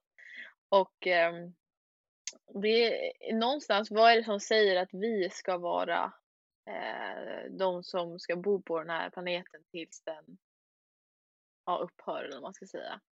Vad är det som gör att inte jorden bara bestämt sig för att nej, nu ska jag radera ut den här arten och höja värmen? Eller Ja, men det kan ju vara så att jorden tänker, resonerar så att men vad fan håller Ja. de på med? Jag har ju lagt oljan i jorden för att den ska vara där. Nu håller de på och pumpar upp den för att stoppa in den i massa bilar och så åker de runt och fröjdar sig. Ja, men vad är det som säger? Det kanske kommer en eh, jättevälutvecklad art snart och tar över. Vem vet? Ja. Nej, men jag tycker att du, du har fört fram så bra argument så att nu kan vi case closed på det här med klimatdebatten. Nej, Vi låter- men jag vet inte. Jag känner bara så här, vad fan. Alltså, jag är ju väldigt eh, ointresserad av klimatet måste jag också säga. Det är ju helt... Jag bara spyr på skiten om man ska vara ärlig. Um, vi har andra problem just nu. Jag tycker inte att det är viktigt att prata om. Nej, jo, det kanske är viktigt att prata om, men just nu i Sverige så är inte det det största problemet vi har. Så att säga. Um, så att, uh, Vad är det största problemet i Sverige då? Ja, vi, ska vi verkligen välja ett? Vi har ju ganska många, så att säga. Ja. Ja, men, men väl, väl, väl det största då, eller rangordna de tre? Nej, men jag tycker väl att jag gick ju i Solna gymnasium eh, när jag gick i gymnasiet för några år sedan. Eh, och eh, tycker väl att just bara skolan har eh, blivit helt klappkass. Ehm, det, kraven på, på elever har ju sänkts istället för, bara för att vi har tagit in ehm, många med kanske utländsk bakgrund så istället för att höja kraven på dem så, så sänks kraven på alla. Ehm, och det är väl ett problem. Jag tycker skolan har gått, gått bakåt. Och sen tryggheten, alltså för mig som tjej i Sverige idag känner jag i alla fall inte är Ehm, eh, jag, jag, känner mig i alla fall inte jättetrygg. Eh, och sen så alla de här förorterna som är eh, parallellsamhällen just nu, de är också ganska ehm, inte så bra så att säga. Och ehm, jag tycker ju att vi, våra politiker prioriterar våra skattepengar väldigt, väldigt fel. Istället för att lägga dem på saker som hade kanske varit vettiga så fokuserar man på typ kamelfarm i Angered och sånt där uh, skit. Som är helt... Vad är vettigt i, i din värld då? Ja, det finns massa vettiga saker. Vi drar ju in så jäkla mycket på eh, nu på här jävla plastpåseskatten eh, och sånt där. Då kan man lika gärna lägga dem på, på att öka löner för de som jobbar inom polis. Vi ska inte defunda polis utan vi ska ge mer resurser till polisen. Vi ska, eh, ja, läkare. Det enda som kommer få folk att vilja bli de här yrkena är om man höjer lönen för dem. Så jag eh, skulle vilja höja lönen för sjuksköterskor och för alla de här som jobbar inom eh, samhällsviktiga tjänster. Men läkare är ju inte direkt en yrkesgrupp som är underbetald. Nej, nej men sjuksköterskor då. Ah, eh, okay. De här alla som jobbar inom vården eh, skulle verkligen gynnas av att eh, få, få det lite bättre ställt. Jag tänker att man skulle kunna kasta ut en del administratörer som finns inom sjukvården också. För, för ja. varje sjuksköterska som finns så är det någon som sitter och vänder papper. Verkligen, absolut. Mm. Du låter ju som en, en perfekt rekryt för Sverigedemokraterna eller Moderaterna. Mm. Jag tycker det. Om du skulle måste välja vem du skulle sitta i riksdagen för, skulle det vara SD eller M då? Alltså, jag skulle nog säga Moderaterna. Jag känner mig mer um, overall mer lik den politiken. Det mm. känns ju ändå som att Sverigedemokraterna är eh, lite mer sossiga i, i sin eh, övriga politiken, migrationspolitiken. Just. Jag tror att Moderaterna kommer gå över till eh, eh att eh, ha en strängare migrationspolitik senare. Så att eh, lägga hoppet på dem. Alla i svensk politik är väl överens om att man ska strama till och man har nej, väl gjort det också. Nej, men är vi verkligen det då? Vi hade ja, ju precis alltså... det här problemet med sossarna och Miljöpartiet och det var ju för bara för några veckor sedan. Man säger ju att man har gjort det i alla fall. Att man, har, man stängde ju gränserna efter, efter krisen och allting. Alltså, det, de, de problem Sverige har idag handlar väl främst, tänker jag, om integration och sättet man inte jobbar effektivt med integration. Ja, ja men det är ju, jag tycker ju nästan att migration och integration går väldigt mycket hand i hand och vi kanske inte ska ta in sådär jättemycket fler just nu eh, innan vi kan eh, ge dem som vi har tagit in ett drägligt liv. Eh, och eh, vi ska ju självklart hjälpa människor. Det är ju inte, det är väl en jättefin grej om det är människor på flykt att man kan hjälpa människor men eh, vi ska ju se till att de kan få det bra här också så att, Ja, det är en jättesvår fråga. Alltså mm. man kan ju Jag är ju inte en politiker och vill kanske inte bli en politiker heller. Så att, alltså du låter redan som en, så jag tror att du eh, innerst inne så är du redan en politiker. Nej, nej, nej, nej, nej, nej, nej. Nej, nej, nej, nej. Jag skulle inte klassa mig själv som en politiker. Ehm, men eh, jag tycker att det är kul att se debatter och uh, vara insatt. Eller ja, relativt. Alltså jag sitter inte och läser allt men eh, ändå ha en hum om vad som händer i, i samhället. Mm. Ja, jag tycker ändå att det är alltså um, du, du, har ju väldigt bra koll på saker och ting, mer än de flesta 21-åringar, skulle jag tänka mig i alla fall. Jag minns ju hur jag, jag höll på med politik när jag var 21 och då träffade jag väldigt många. Men, men eh, de få 21-åringar som jag stöter på i vardagslivet så är inte så jätteintresserade av politik. Så det, bara, det, bara det bådar ju gott för framtiden. Nu känner jag mig som en boomer. Um, jag är ju alltid van att vara yngst i de flesta sammanhang som jag rör mig i. Ja, men det är fortfarande så att jag kan ju läsa politik och se på partiledardebatter och sådär, men jag skulle inte säga att jag är eh, så insatt. Jag sitter och läser eh, liksom allt som, som kommer min väg, utan så intresserad är jag ju inte. Läser du böcker? Ja, de böckerna som jag tycker är, låter intressanta. Alltså jag läser ju, ja vi beställde ju Aron Flams bok, men det gick ju sådär. Eh, så den vill jag läsa. Men jag har läst eh, Jordan B. Petersons bok eh, nu senast. Så lite 12 böcker rules läst. for life. Ja, 12 livsregler. Ja, precis. På svenska. Men ja, mm. ja den. Um, och sen så lite sådana där böcker som jag tycker är.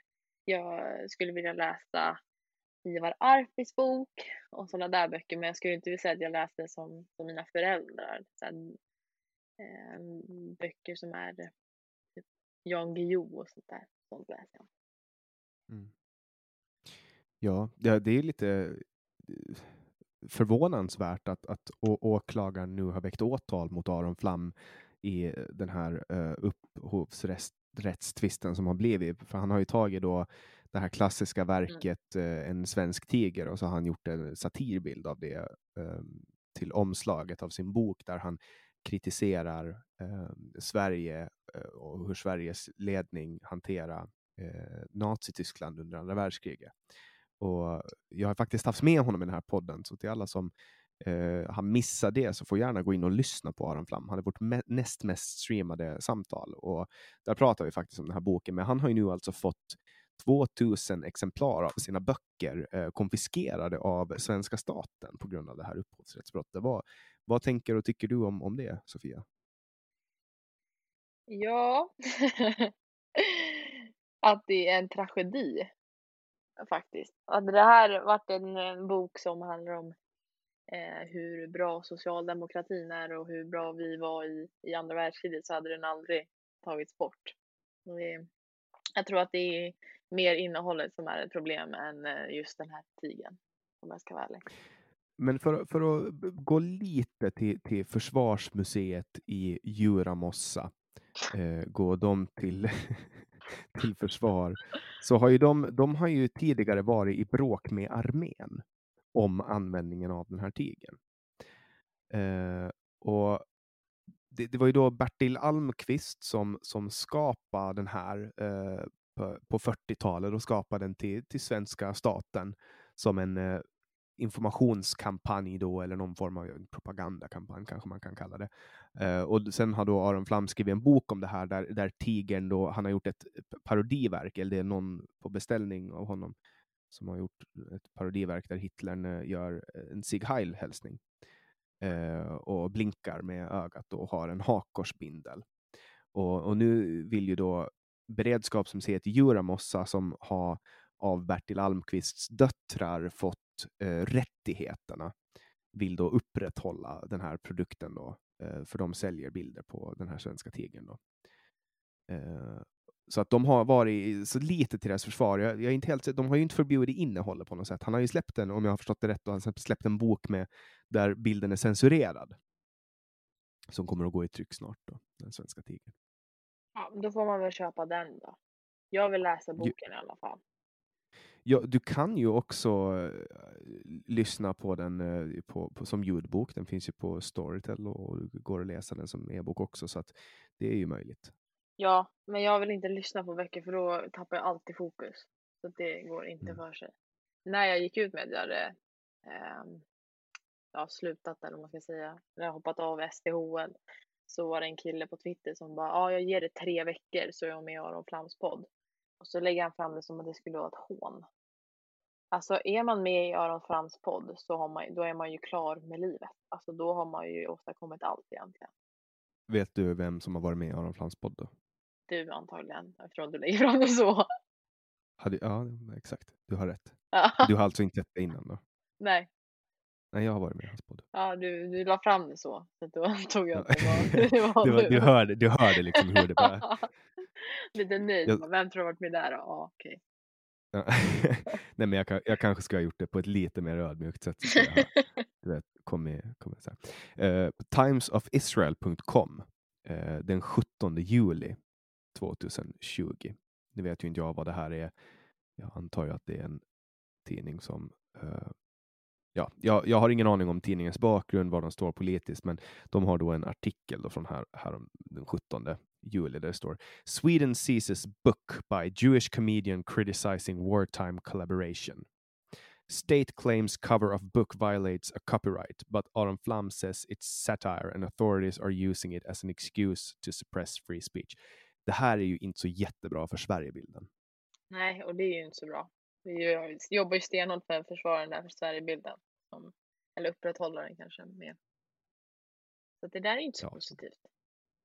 Mm, nej. Eller läser, vad är det där för någon, någon hemsida då? Är den eh, stor eller? Ja, det, det, det, The Times of Israel. Jag, Mm. jag kan inte göra en live bakgrundscheck på den nu, men, men det är i alla fall en tidning. Det kan vara en, det kan vara en uh, jättehemsk tidning, det kan vara en uh, jättenormal tidning, jag vet inte. Nej. Men det är en tidning i alla fall, verkar det som. Och den heter The Times of Israel.com. Så att eh, det här med Sverigebilden, såg du, ehm, eh, såg du den här intervjun med Ann Linde, Sveriges eh, utrikesminister? Ja, tyvärr. Tyvärr så gjorde jag det. Vad kände du när du såg den? Att jag kan bättre engelska än henne och det är tragiskt för att hon ska vara vår utrikesminister var det första jag tänkte. Ja, men du är ju en millennial. Ja men Du ändå. har ju växt upp i det. Ja men fortfarande. Hon är ju utrikesminister. Alltså man borde Men ju give kunna her a break, hon är en boomer, kom igen. Nej, faktiskt inte. Inte. Du besitter liksom utrikesministerposten. Du ska kunna vettig engelska. Du ska inte låta som att du, du pratar mer svenska än engelska. Ehm, Well men it sen- feels like you're trying, you want to throw me out of EU. Nej, alltså det var faktiskt det var tragiskt att, se och speciellt sen när hon eh, gick på att det var privatiseringar i, i ålderdomshemmen som var det största problemet för corona. Eh, coronaspridningen på ålderdomshem och då kände jag så här, nej men nu får det faktiskt vara bra. Eh, och för sen så kom ju han, eh, vad heter han, Tino, nej heter han så? Tino Sanandaji, han har också varit med i min podd. Ja, han gick ut och så eh, dementerade ju eh, det hon sa ganska kraftigt där. Med eh, att det inte riktigt var så. Så att eh, henne, det, det är lite tragiskt att både faktan och hennes engelska var helt, helt otroligt off. Och det är väl skämmigt kan man tycka. Tycker jag. Min personliga reflektion kring det hela då, om, om man inte dömer henne för att hon dels hittar på saker och dels hade bristfällig engelska, så tycker jag att hennes attityd, hon var ganska högmodig. Eh, och, och högmod är en synd, har vi lärt oss. Eh, åtminstone där jag växte upp. Nu gör jag mig skyldig till högmod lite nu och då. Men, men alltså, jag tyckte att hon var lite arrogant. Och, och det, alltså att gå i polemik, att börja bråka med en reporter eh, på det sättet som hon gjorde, det luktar alltid. Alltså, det var hennes bara eh, aura på den. Var, hon var på krigsstigen. Ja, jag vet ju själv, jag har jobbat som, som nyhetsreporter och när folk hugger på en och liksom så här går med taggarna utåt, då, får man, då, då skapas det automatiskt incitament till att fortsätta gräva. Så här, vad är det de försvarar? Vad, vad är det jag ska hitta nu? Liksom? Så för mig, jag, jag, mina, mina varningslampor eh, tuta eller, eller blinka rött heter det. Känner du dig stolt liksom när du ser en sån att hon... Eh, nu är det kanske inte du ens från Sverige. Ja, men jag kan säga så här, jag känner mig stolt över att jag är finne. Så kan man säga. Men sen har jag ju, min, min farfar är ju född eh, i Sverige och min svenska, eller min, min manliga släkt kommer från Sverige. Eh, men jag känner ju mig fortfarande, min nationstillhörighet är absolut Åland eh, och Finland. Okej, ja men då behöver du inte känna någon skam som vi andra här i Sverige känner. En tiger som skäms. Precis. Gillar du Kent? Nej, det gör jag tyvärr inte. För det, det är en, en rad eh, från deras låt eh, Jag har som är väldigt, väldigt bra. Kent. Men eh, Ja. tycker inte om Kent. Du tycker inte om Kent? Jag var på Kents sista konsert. Eh, Jag blir inte nu, avvis fick, nu fick jag det sagt. det är typ som en vegan, du vet, när veganer alltid så här. Om någon är vegan, då vet man om det. Ja men det är liksom eh, Instagram 24-7 om att det är vegansk kost som gäller. Alltså det är det värsta jag vet. Mm. Nästan. Jag äter ju bara kött och smör. Och det är inte, låter inte heller jättegott faktiskt om jag ska vara ärlig. För mig, är det, för mig eh, jag skulle äta vad som helst för att få ett drägligt liv och när jag håller mig bara till kött så, så har jag ett drägligt liv. Jordan B. Peterson äter ju bara kött till Mm. exempel. Ja, med typ salt och peppar då det var. Mm. Ja, jag, Det låter jag, inte som att det är jättegott faktiskt. Tappar ju all livsglädje om man bara skulle äta det. Fy fan vad tråkigt. men vadå, vem tycker inte om bacon till exempel? Ja, ja, men om jag skulle äta bacon varje dag hela mitt liv så hade jag ju inte gillat bacon efter en vecka. Nej men man, man alltså du, du kan ju hoppa liksom. Det är inte så att jag äter en kost som är. Det var ett tag som jag åt bara kyckling. Jag höll mig ifrån. Jag har ju testat väldigt många olika dieter för att komma fram till det som funkar. Eh, så ett tag så körde jag liksom bara, bara kyckling för att få liksom pli på min mage. Eh, men sen när jag börjat med, när jag flyttade tillbaka till Åland för lite mer än ett år sedan, sen då har jag fått det att funka när jag äter rött kött. Men i Sverige, alltså jag gick till Ica och köpte så här köttbit där, det var bara bye bye. Men, om jag också- köper, om jag köper i delidisken, det funkar.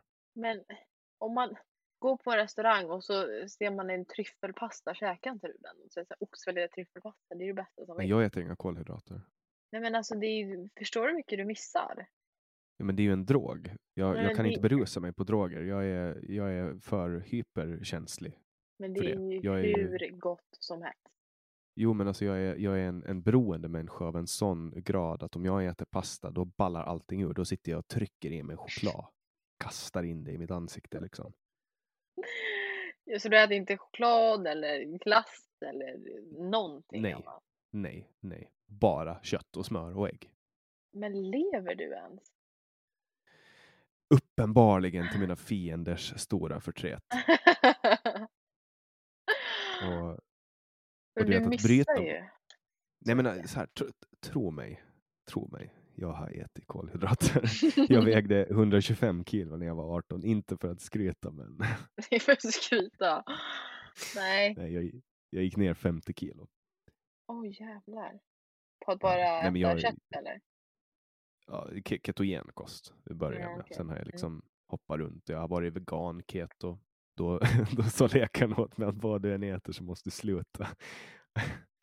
För jag hade så mycket problem med magen. Men sen, sen, eh, sen var jag bold enough att testa eh, carnivore och eh, det funkar. Nej. Nej, jag hade aldrig pallat. Mm. Mat Jag är äter ju till, med, jag äter till och med en, en del eh, rått rött kött. Ja, fy fan. Om det kommer från Åland så äter jag det utan tvekan om det är rått. Om det är från Sverige så... Mm, Nej, alltså fatta hur mycket man missar. Ska du dö och veta att du inte har levt liksom, livet till fullo? Och då menar jag, tror att jag, jag, tror att jag, jag tror att jag dör om jag lever så som jag vill. För du vet, kan man, alltså kan, är man kapabel att äta sig till 125 kilo, då är man kapabel att äta sig till 175 kilo. Förstår du vad jag menar? Det, när det inte finns ett stopp. När hela ens huvud är ett stort hål som slukar allt det hittar. Ja, men det är därför, det måste ju, du måste ju bli mätt. Ja, ja, men, men alltså jag har ju grova ätstörningar. Det, det är klart att Mhm. man blir mätt, men, men du vet, det är bara att spy och fortsätta. Alltså, Nej. förstår du vad jag menar? Fan, alltså, shit att man kan ha sådana problem. Ja, Det nej, är- det, det må, Det är många som har det. Det är det som är så... Mm. Jag pratar om det i mitt sommarprat faktiskt, i Ålands Radio, i public service-radion. Mm. Eh, Så där pratar Är jag du ett stort fan av public service eller? Eh, nej, det var också därför Mm. jag var med i Aron Flams podd, för att jag, jag vill lägga ner public service helt enkelt. Mm, jag förstår det eftersom att du säger public service. Det brukar inte vara en positiv synvinkel på det hela. Jag har haft med en tjej som går under namnet Emma von Linné i den här podden som jobbar med sexarbete. Mhm. Vad tycker du om det? Sveriges lag om sexarbete. Alltså, ska jag vara helt ärlig? Självklart. Ja. Alltså jag har inte lagt någon värdering i det överhuvudtaget. Alltså inte en enda. Men om du ska lägga in den, tycker, du att, tycker du att kvinnor och män och, och, och icke-binära runt om i landet ska få sälja sin kropp? Ja, om du vill göra det så ska du få göra det. Tycker du att folk ska få köpa andras kroppar? Men du måste ju ha en köpare om du ska få sälja. Ja, men idag i dagsläget så får man ju sälja Ja, i Sverige, men man får inte köpa. Nej, Nej. det blir väldigt konstigt. Då, går det ju liksom inte riktigt, kan jag tycka. Eh, men jag tänker ju på Paolo Roberto och det där, det var ju ganska spårat så, så att säga. Eh, men ehm, jag tycker att man får Vad, göra vad var spårat? man- Var det spårat Ja, i att han, hade, att han köpte sex eller att, att han blev så lemlästad? att han blev lemlästad på det sättet. Det är ju helt orimligt att past, man ska ta bort pastan för att han har köpt sex. Alltså, det är bara i Sverige en sån grej blir så eh, det urartar. Eh, pastan är fortfarande bra, men eh, identitetspolitiken har tagit över lite mycket. Så att, eh, då var tydligen pastan dålig också för att han hade dålig moral då, tycker vissa. Men, ja, nej, jag tycker i alla fall att man ska få, det är ett fri, fan, fritt val. Sälj sex om du vill. Om du... Eh, sen kanske det finns de som har blivit tvingade i det, men om du vill sälja sex så gör det. Absolut. Go for it. Just det, du låter ju ganska liberal. Mm. Tycker du samma när det kommer till eh, narkotika till exempel? Alltså, det här är sådana frågor som jag aldrig har suttit och tänkt på egentligen. Men, Alltså, nu, nu drar jag bara upp allting som är tabu i Sverige för att Ja. och, och liksom, vi har ju eh, fortfarande Lemlästa mig totalt. Ja, absolut. Ja, men vi har ju fortfarande 30 minuter kvar. Liksom. Vi ska ju Mm. fylla upp. Vi behöver ge lite content till Sportbladet. Ja, nej, men det är bra så att vi kan få lite mer skit här på Sofia, för det behöver hon. Eh, Exakt.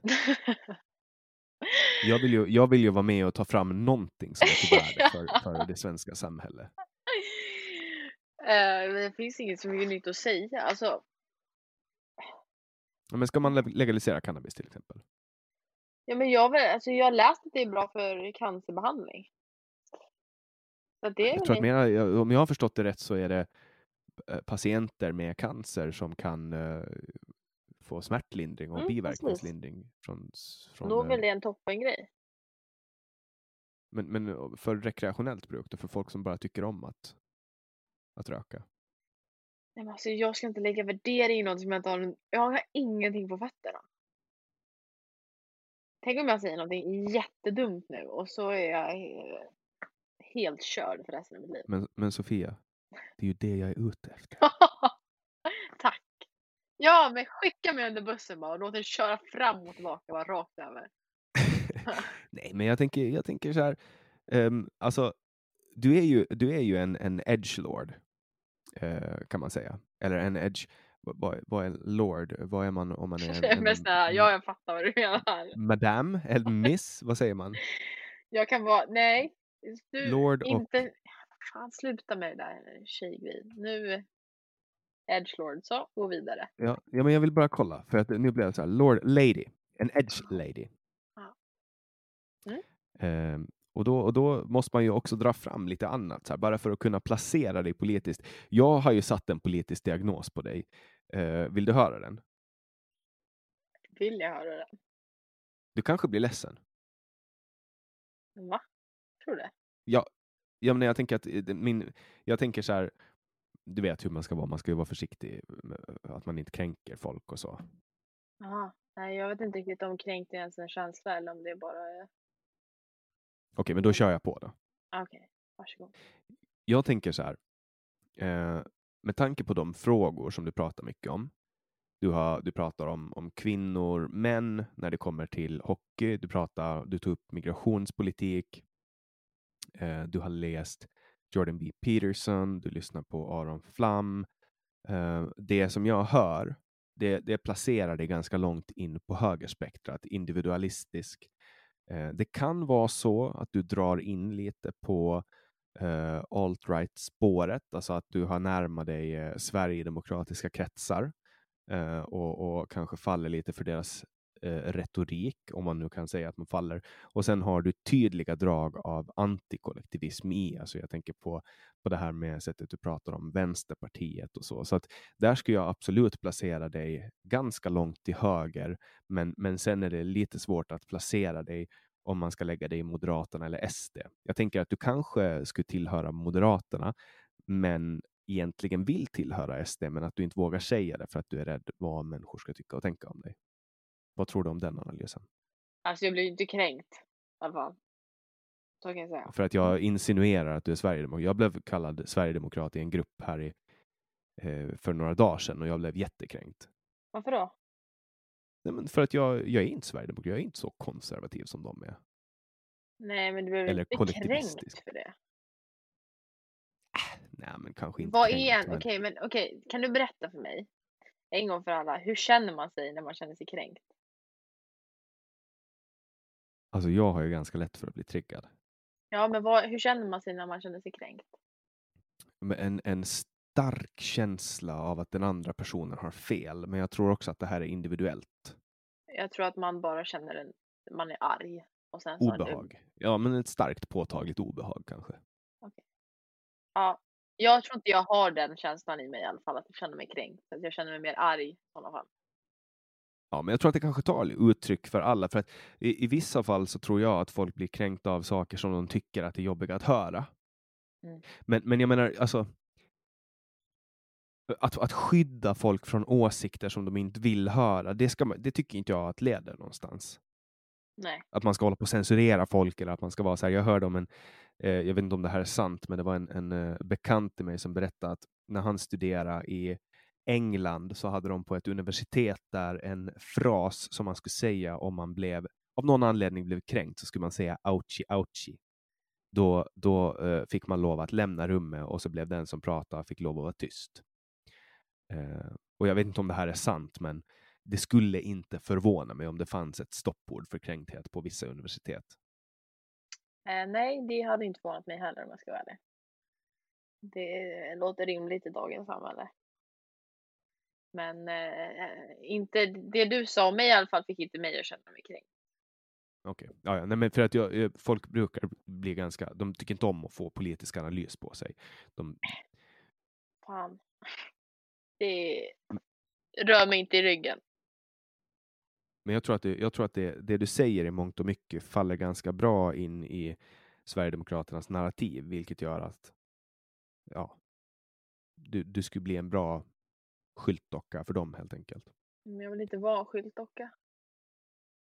Vad vill du vara då? Nej, nu, det- alltså jag menar inte att det är alternativet. Det är väl allt man vill vara i livet. Vad fan, varför vill du inte vara det för? Nej. Nej, men jag tänker, så- jag tänker skyltdocka på det sättet, alltså en frontfigur, typ som Hanif Bali. Han är ju en liten frifräsare inom Moderaterna, eller liten, han är en stor frifräsare inom Moderaterna. Ja, men jag, äl- alltså, jag älskar ju Hanif Bali också. Så att, alltså, ja, jag tycker, jag, som sagt, jag tycker att det är så svårt för att jag identifierar mig mycket med ja, Sverigedemokraternas migrationspolitik men inte så mycket mer med, med deras alltså, resterande del av politiken. Men Eh, har du en så pass klar bild av deras resterande politik att Ja, du kan säga så? Då? Det har jag läst. Alltså jag, innan förra valet. Nej men alltså när jag läste inför förra valet bara försökte gå igenom partiprogrammen och gå igenom deras politik och alltså allihopa nästan så ehm, var ju eh, mycket av det som Moderaterna står för. Det är mycket det som jag tycker att jag står för och sen eh, är det ju jag tycker att de är, eh, Sverigedemokraterna är väldigt eh, sossiga i sitt andra tänk. Eller ja, eh, åsikter i annat. Så att jag skulle väl, alltså fan jag tycker att det är så svårt. De drömmer ju mycket tillbaks till tiden när Per Albin var landsfader. Ja, det är ju jättelångt bak i tiden här. Och han var ju, han var ju socialdemokrat och instiftade Jätte- folkhemmet. Långt bak i tiden. Fast inte så jätte, alltså vår, våra far och morföräldrar levde då till exempel. Mm, Eller jag vet inte dina, men min i alla fall. Ja, ganska långt bak i tiden. Det beror ju på. Jag, jag tänker på det ibland när jag, när jag ser äldre människor. Att, att för mig så är ju 60-talet, det är ju, det är så otroligt långt bort. Eh, typ om jag tänker så här på musiken från 60-talet. eller någonting. Men sen, är det så, du vet min farmor, hon gick runt och dansade till den musiken då. Och hon Ja. lever och går runt och har ett jobb idag. Alltså, du förstår vad jag menar? För henne så är ju 60-talet så gamla goda tiden. Men för mig eh, och dig så är det ju liksom, fan det var ju många gånger, oändligt många gånger före vår livs, alltså förrän vi ens blev påtänkta. 40 år innan. Det är bra. Ja. Det är jävligt länge innan faktiskt. Ja. Sjukt när man tänker Vad ska, vi ta, vad, vad ska vi ta oss an som nästa ämne? För nu, nu, nu, nu är det din tur att, att bestämma vad vi ska prata om. Det är första gången som jag försöker borra ner mig med en, en, eh, 21-åring i en podd. Liksom. Och Ja, okej. Nu ska vi se här då. Jag vet inte, vad, vad, vad säger du att du står politiskt? jag är väldigt liberal. Okej. Utveckla. Jag tycker, att- nej men jag, jag tycker att frihet är förutsättningen för att människor ska kunna frodas. Det är att vi är fria, att vi har rätt att bli lämnade i fred från olika former av angrepp. Så som angrepp från staten, där staten går in och på detaljnivå reglerar hur vi ska leva våra liv. Jag tycker att, att eh, desto mer frihet vi har från staten, desto bättre är livet. Mm. Och jag tycker att politisk ekonomi, alltså på ett fundamentalt plan, så tycker jag att man, man bör återinstifta guldmyntfoten för att stabilisera och säkra ekonomin för hela Europa och världen. Det här var en jättedum grej som försvann i USA. Det var Nixon som tog bort det 1973 och sen dess så har, och där, då var all världsvaluta knuten mot eh, amerikanska dollarn som var säkrad mot guld. Men nu har man tagit bort det och nu finns bara pappersvaluta, alltså nu, fiatvaluta. Det finns liksom ingen riktig valuta. Så att det gör att vårt ekonomiska system är jätteskört. Det tycker jag att ska tas bort. Eller man ska återinföra guldmyntfoten.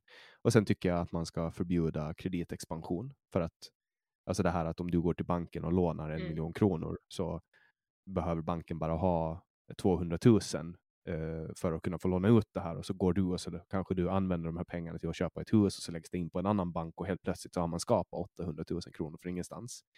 Ehm, det leder till Eh, ekonomisk instabilitet och det tycker jag inte är bra. Och sen tycker jag att staten ska sträva efter att hel, helst inte finnas. Uh, alltså, eh, nu menar jag inte att man ska ta bort staten, radera den, utan jag menar mer att staten ska inte, som idag, att den försöker växa. Det, statens jobb idag är att växa. Um, det tycker jag, jag tycker att man ska ta bort så mycket stat som möjligt och låta människor behålla sina pengar, sänka skatterna och så får människor göra vad de vill med sina pengar. Det tycker jag. Det är en rimlig tanke faktiskt. Jag tycker att det är väldigt konstigt att vi egentligen betalar in massvis med pengar till egentligen vanliga människor som Stefan Löfven och så tänker han att han är bättre på att förvalta mina pengar än vad jag själv är. Det är en väldigt, väldigt konstig tanke när han eh, besitter hjärnkapacitet som en groda. Det får stå Ja. för dig. Jag säger inte att jag inte håller med, eh, men jag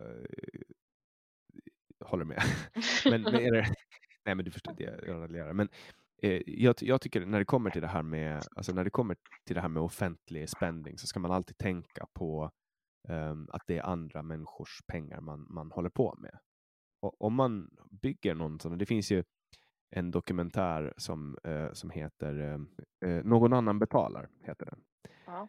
Eh, och, och där går de igenom liksom så här helt bisarra exempel på hur, det är en bok också tror jag, med 365 exempel på hur, eh, hur man har liksom använt de här skattemedlen. Det finns så här helt sinnessjuka saker, typ Malmö stad tog fram ett ljud som kostar flera hundratusen kronor som skulle karaktärisera Malmö. Och, alltså så här helt sinnessjuka grejer. Och då är det så här, människor tänker inte på att det här är, det här är andra människors hårt förvärvade pengar. Människor har slitit för att få de här och så bara köpte man byggde också så här Malmö byggde man två stycken så här vikingaskepp som ingen kunde underhålla som var jättedyra. Ingen ville se dem och ingen ville ha dem och så sålde de dem i förlust till någon förening. Och sen var det också någon, någon kommun i Sverige som, eh, vilja ha ett trollskt intryck när man kom in i, i den här kommunen, så de ville stoppa en dimmaskin i mitten av rondellen när man kom in i stan. Men sen när de installerade den så insåg de att, att men oj, problemet med att, att ha dimma i en rondell är att då ser man ingenting. Och förutsättningen för att kunna köra i en rondell är att man har sikt. Och då fick de liksom ta bort den och då hade den kostat över 100 000 kronor. Alltså sådana saker. Det är så politiker. Och sen någon annan, något annat exempel var att ja, men Hells Angels huserar i en lokal och de ville få bort Hells Angels. Så kommunen köpte lokalen. Uh, och då blev Hells Angels helt plötsligt, hade besittningsrätt och blev helt plötsligt kommunala hyresgäster. Och, och då fick de börja ställa krav på renoveringar och sådana grejer. Alltså, ska man hålla på med människors pengar, då måste man ju tänka så här, eh, skulle jag vilja göra det här? Skulle jag använda mina pengar till det här? Mm. Eller kanske man kan skippa det här jättekostsamma projektet som kanske inte kommer alla till nytta och så sänker man kommunalskatten istället. Typ så. Ja, jag håller med. 100 procent. Men då, du svarar, du svarar fortfarande inte på frågan så här, om du, om du skulle rösta på något av dem. Okej, det kanske inte ens var frågan, men nu ställer jag den frågan. om du skulle rösta på något av de svenska partierna, vad skulle du rösta på då? Av uh, alla partier som finns i Sverige eller i de som sitter i riksdagen? Ja, vi säger alla partier som sitter i riksdagen då. Jag, jag, jag vet ju vad jag har röstat på här på Åland. Jag har röstat på mig själv båda gånger jag har fått rösta. Ja, men det var inte frågan. Nej, men då röstade jag på Liberalerna. Aha. Men eh, tvek på om jag ska ställa upp för Liberalerna i Sverige. Alltså. Tve, stort tvek på den. De, de, de är inte så liberala. Alltså, Liberala ungdomsförbundet är liberala. Moderata ungdomsförbundet är moderata. Jag antar att om, om jag skulle kasta mig in i svensk politik, vilket jag med viss sannolikhet kanske gör nu när jag flyttar tillbaka till Stockholm, eh, då, är det, då är det sannolikt eh, Liberala ungdomsförbundet eller Moderata ungdomsförbundet. Ja. Och, och, och, så får man ju börja där och se hur det utvecklar sig. Jag tror ju att den här stora varbölden som är svensk politik snart kommer att explodera. Och då kommer, då kommer ja, jag, tror, jag tror att Liberalerna kommer att åka ut ur, ur riksdagen. Det hoppas jag på. Jag, jag, tror att det kommer att bli så. Och därför så tror inte jag att en, en röst... Ja, jag vet inte, det känns som att det kanske finns en risk för att det blir så. Och då tänker jag, jag skulle nog behöva sätta mig ner och göra en riktig värdering eh, förrän jag gav mig in i partipolitiken i Sverige. Men som sagt, det, det finns en sannolikhet att jag ger mig in där. Spännande. Min tanke från början med den här podden, ja, men podden här var ju från början så här meningen att jag skulle vara politiskt oberoende när jag startade den för lite mer än ett år sedan. Men det gick bra, ju inte. Det? ja, men det gick inte. Det var så här, skitsamma, jag har en bias. Mm. Men har du haft eh, människor som du absolut inte håller med? Det är ju det som är tanken. Eh, det är ju det som är liksom grunden med, med den här podden. Eh, eh, att det ska vara folk som, som jag inte håller med. Och, det, och jag lär mig väldigt, väldigt mycket av det. Jag är väldigt ödmjuk inför det. Nu, nu kanske jag låter lite raljant och så inför dig, men det, det här är liksom lite speciellt. Mm, det, är lite an, det är lite annorlunda. Och det kommer, det kommer ni som, som lyssnar också att märka. Jag hoppas att ni, jag hoppas att ni eh, känner att det är kul med lite omväxling. För att vanligtvis så, så brukar gästerna prata eh, 80 procent av tiden och jag brukar bara liksom vara med. Jag har ju ingenting att säga. Om eh, fem år så är jag säker på att vi kommer att fylla två timmar utan problem.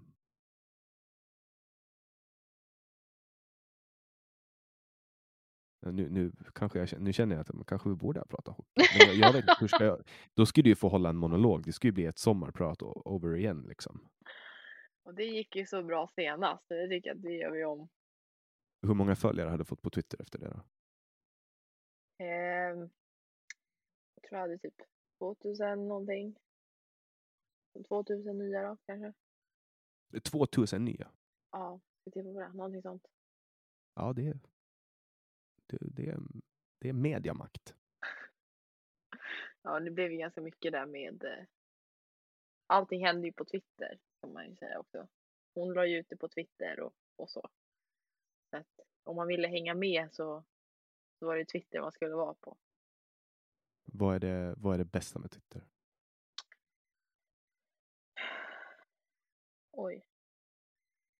Jag tror att det har gjort att jag hittat ett intresse också för politiken. För det är ju så, så mycket politik där. Så jag skulle nog säga att det är politiken som är roligast. Sen är det ju roligt också under hockeysäsongen för att man får följa vad folk tycker och tänker om, om hockeyn och matcher och sådär. Så att det är också väldigt kul. Um, ja. Sen är det ju jävligt kul med eh, att läsa diskussioner och trådar och Alltså, jag tror inte att utan Twitter så hade jag nog inte lärt mig ändå så mycket om politiken som jag gjort.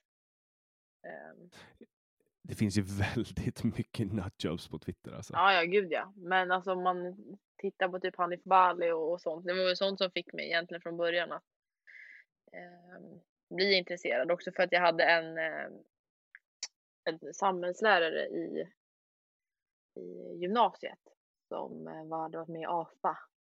Eh, och Hanif Bali hade skrivit om henne och då var då som, som jag började så här smått vara inne på Twitter. Men det var aldrig in, alltså så här, jag hade inte skapat inget konto och så utan då, utan det var bara att gå in och titta lite. Men han hade skrivit om henne och jag hade väldigt mycket dispyter med henne i, i skolan. Så att eh, det var så det började. Men eh, just de här människorna, typ som Aron Flam och Hanif Bali och alla de här eh, och följa dem på Twitter då man lär sig ändå jävligt mycket på det tycker jag. Ja, det blir ju också en ganska ensidig bild av verkligheten. Mm, men det är den bilden men, jag vill ha av verkligheten. Så att jag tänker bara följer, följer du folk från andra sidan då? Nej. Ja, då får du gå in och kanske lyssna på lite samtal. Jag har ju bland annat eh, Magnus Linton som du kan lyssna på. Han har varit syndikalist och Myra Åbäck Örman. Hon är vänster.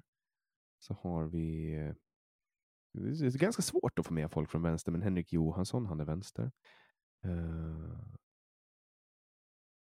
Axel det... Öhman, han är vänster. Det är jättesvårt att få med folk från vänstern. Jag försöker, uh, men det är extremt svårt. De tackar väldigt, väldigt många och väldigt ofta nej. Och varför gör de det? Jag vet inte. Jag har frågat och jag fick en gång ett, eh, ett svar. Det skulle ta för länge för mig att ta fram det nu, men svaret var någonting i stil med att när man är med i en podd eh, eller när man går ut och sticker ut näsan som vänster så får man så mycket hat från alla sverigedemokrater och hot och hat och, och därför så gör man inte. Mm -hmm. Det var det svaret som, som jag fick. Och det, men det var mer specifikt till kvinnor eh, från vänstern som jag ställde den frågan. Så här, för jag fick nej för typ 78 000 gången och så tänkte jag att nu frågar jag och då fick jag det svaret. Men sen kan jag tänka mig att det kanske är ganska bekvämt att befinna sig i vänstern för att man kan, alltså i och med att vänstern är så stor så är det väldigt lätt, i Sverige i alla fall, så kan man röra sig väldigt brett utan att hela tiden bli ifrågasatt. Mm. Men du är, också, du är ju alltid god om du är vänster. Så att, eh, då Enligt narrativet, ja. Ja, men då är du ju liksom, då är du ryggen fri. Eh, är du höger idag så måste du alltid eh, ha på fötterna när du, när du säger någonting. Du kommer aldrig liksom undan utan belägg för det. Man måste vara beredd att, att fightas lite. Ja, det kände jag ju med sommarpratet att jag kan inte gå ut och säga att relationer är ett problem och inte ha på fötterna varför det är ett problem. Så att eh, då hade man blivit ifrågasatt direkt. Visste du att det skulle bli kaos? Nej, alltså jag kommer ihåg mamma sa ju det att jag skulle ja, få, få det lite hett om öronen, men jag eh, trodde faktiskt inte det för att jag har ju varit ute och, och sagt massa saker och sådär. Så att eh, då har det ju varit att jag tänker väl att om man väljer mig som en sommarpratare då kommer de ju få mig. Eh, och då får man väl vara rädd på att det, det kommer vara inte att SDH är det bästa som har hänt eh, svensk damhockey för att jag tycker inte att det är det. Så att, eh, ja, eh, jag trodde inte det. Så att det blev lite som en chock. Men det blev också ingen, det blev inte så, det var inte så stort samma dag som det kom ut. Det var ju inte det hände ju bara i samband med att hon kallade mig för homofob. Det var, ju, det var så det blev liksom uppmärksammat. Mm. Just det. Och om, om du skulle få höra någon från vänstern som var med i den här podden, vem skulle du vilja höra då? Men snälla, det kommer... vill man ens det? ja, det är det som är tanken med podden, att man ska lyssna på folk som man inte håller med om. Det är enda sättet att stävja polariseringen, tror jag i alla fall. Ja, men det är så tråkigt att lyssna på sådana. Håller inte med om någonting. Um, Anders Lindberg. Ja, jag faktiskt mejlat med honom i eh, februari och vi hade en tid bokad, men vi fick inte ihop det och sen har jag mejlat honom igen, men inte fått svar. Eh, jag ska fortsätta ligga på honom och hoppas, hoppas, hoppas att han kommer hit. Det skulle vara jättekul att ha med Anders Lindberg i den här podden. Ja, han är ju verkligen en speciell individ. Så det hade varit kul att lyssna på hur han får ihop sin världsbild. Han är också väldigt, väldigt smart. Eh, även om jag inte håller med hans åsikter i många saker så är han en extremt intelligent människa. Så det skulle vara väldigt kul att ha med honom. Och vet du vad? Nu har vi lyckats fylla två timmar. Wow! Ja, ja, det, ja det var spännande. Och, eh, till alla er som har lyssnat på det här hoppas jag att ni också kände att det var eh, lika kul som jag tyckte. Och tusen tack Sofia Reideborn för att du har varit med. Ja, tack så mycket för att jag fick vara med, även fast jag inte kommit så mycket vettigt. Men det var kul. Det är, det är upp till eh, de som lyssnar att avgöra om det är vettigt eller inte. Och till er som har lyssnat, ni får ju jättegärna donera till den här podden med, via Patreon eller Swish. Den drivs ju helt eh, ideellt av mig och eh, ni hittar länk till Patreon på www.samtal.ax. Eh, Det är ju helt klart det alternativet jag föredrar, därför att då kan jag eh, veta ungefär vad, vad jag väntar. Men jag uppskattar också när jag får swishar, vilket jag får ibland, och det kan man göra på 070 3522 472. Ni hittar numret på www.samtal.ax eller i beskrivningen här i poddens beskrivning. Ni kan också gå med i diskussionsgruppen som jag har på Facebook. Jag vill att alla ska vara inkluderade i samtalet Eh, så länge man förhåller sig till eh, god sed och trevlig och så. Eh, och ni hittar också en länk där på, på hemsidan www.samtal.ax. Där kan ni också gå in och tipsa om gäster. Jag släpper ju nya samtal alla onsdagar och jag tar tacksamt emot tips och jag efterlyser extra mycket tips på folk från vänstern för att jag vill väldigt gärna ha med. Och, och känner ni någon från vänstern som ni tror att skulle vara intressant och som ni kanske kan hjälpa mig att boka så ska jag bli ännu mer glad. Jag heter Jannik Svensson och du har lyssnat på podcasten Samtal. Planning for your next trip? Elevate your travel style with Quince. Quince has all the jet setting essentials you'll want for your next getaway, like European linen, premium luggage options, buttery soft Italian leather bags, and so much more. And is all priced at 50 to 80% less than similar brands. Plus, Quince only works with factories that use safe and ethical manufacturing practices. Pack your bags with high-quality essentials you'll be wearing for vacations to come with Quince. Go to quince.com slash pack for free shipping and 365-day returns.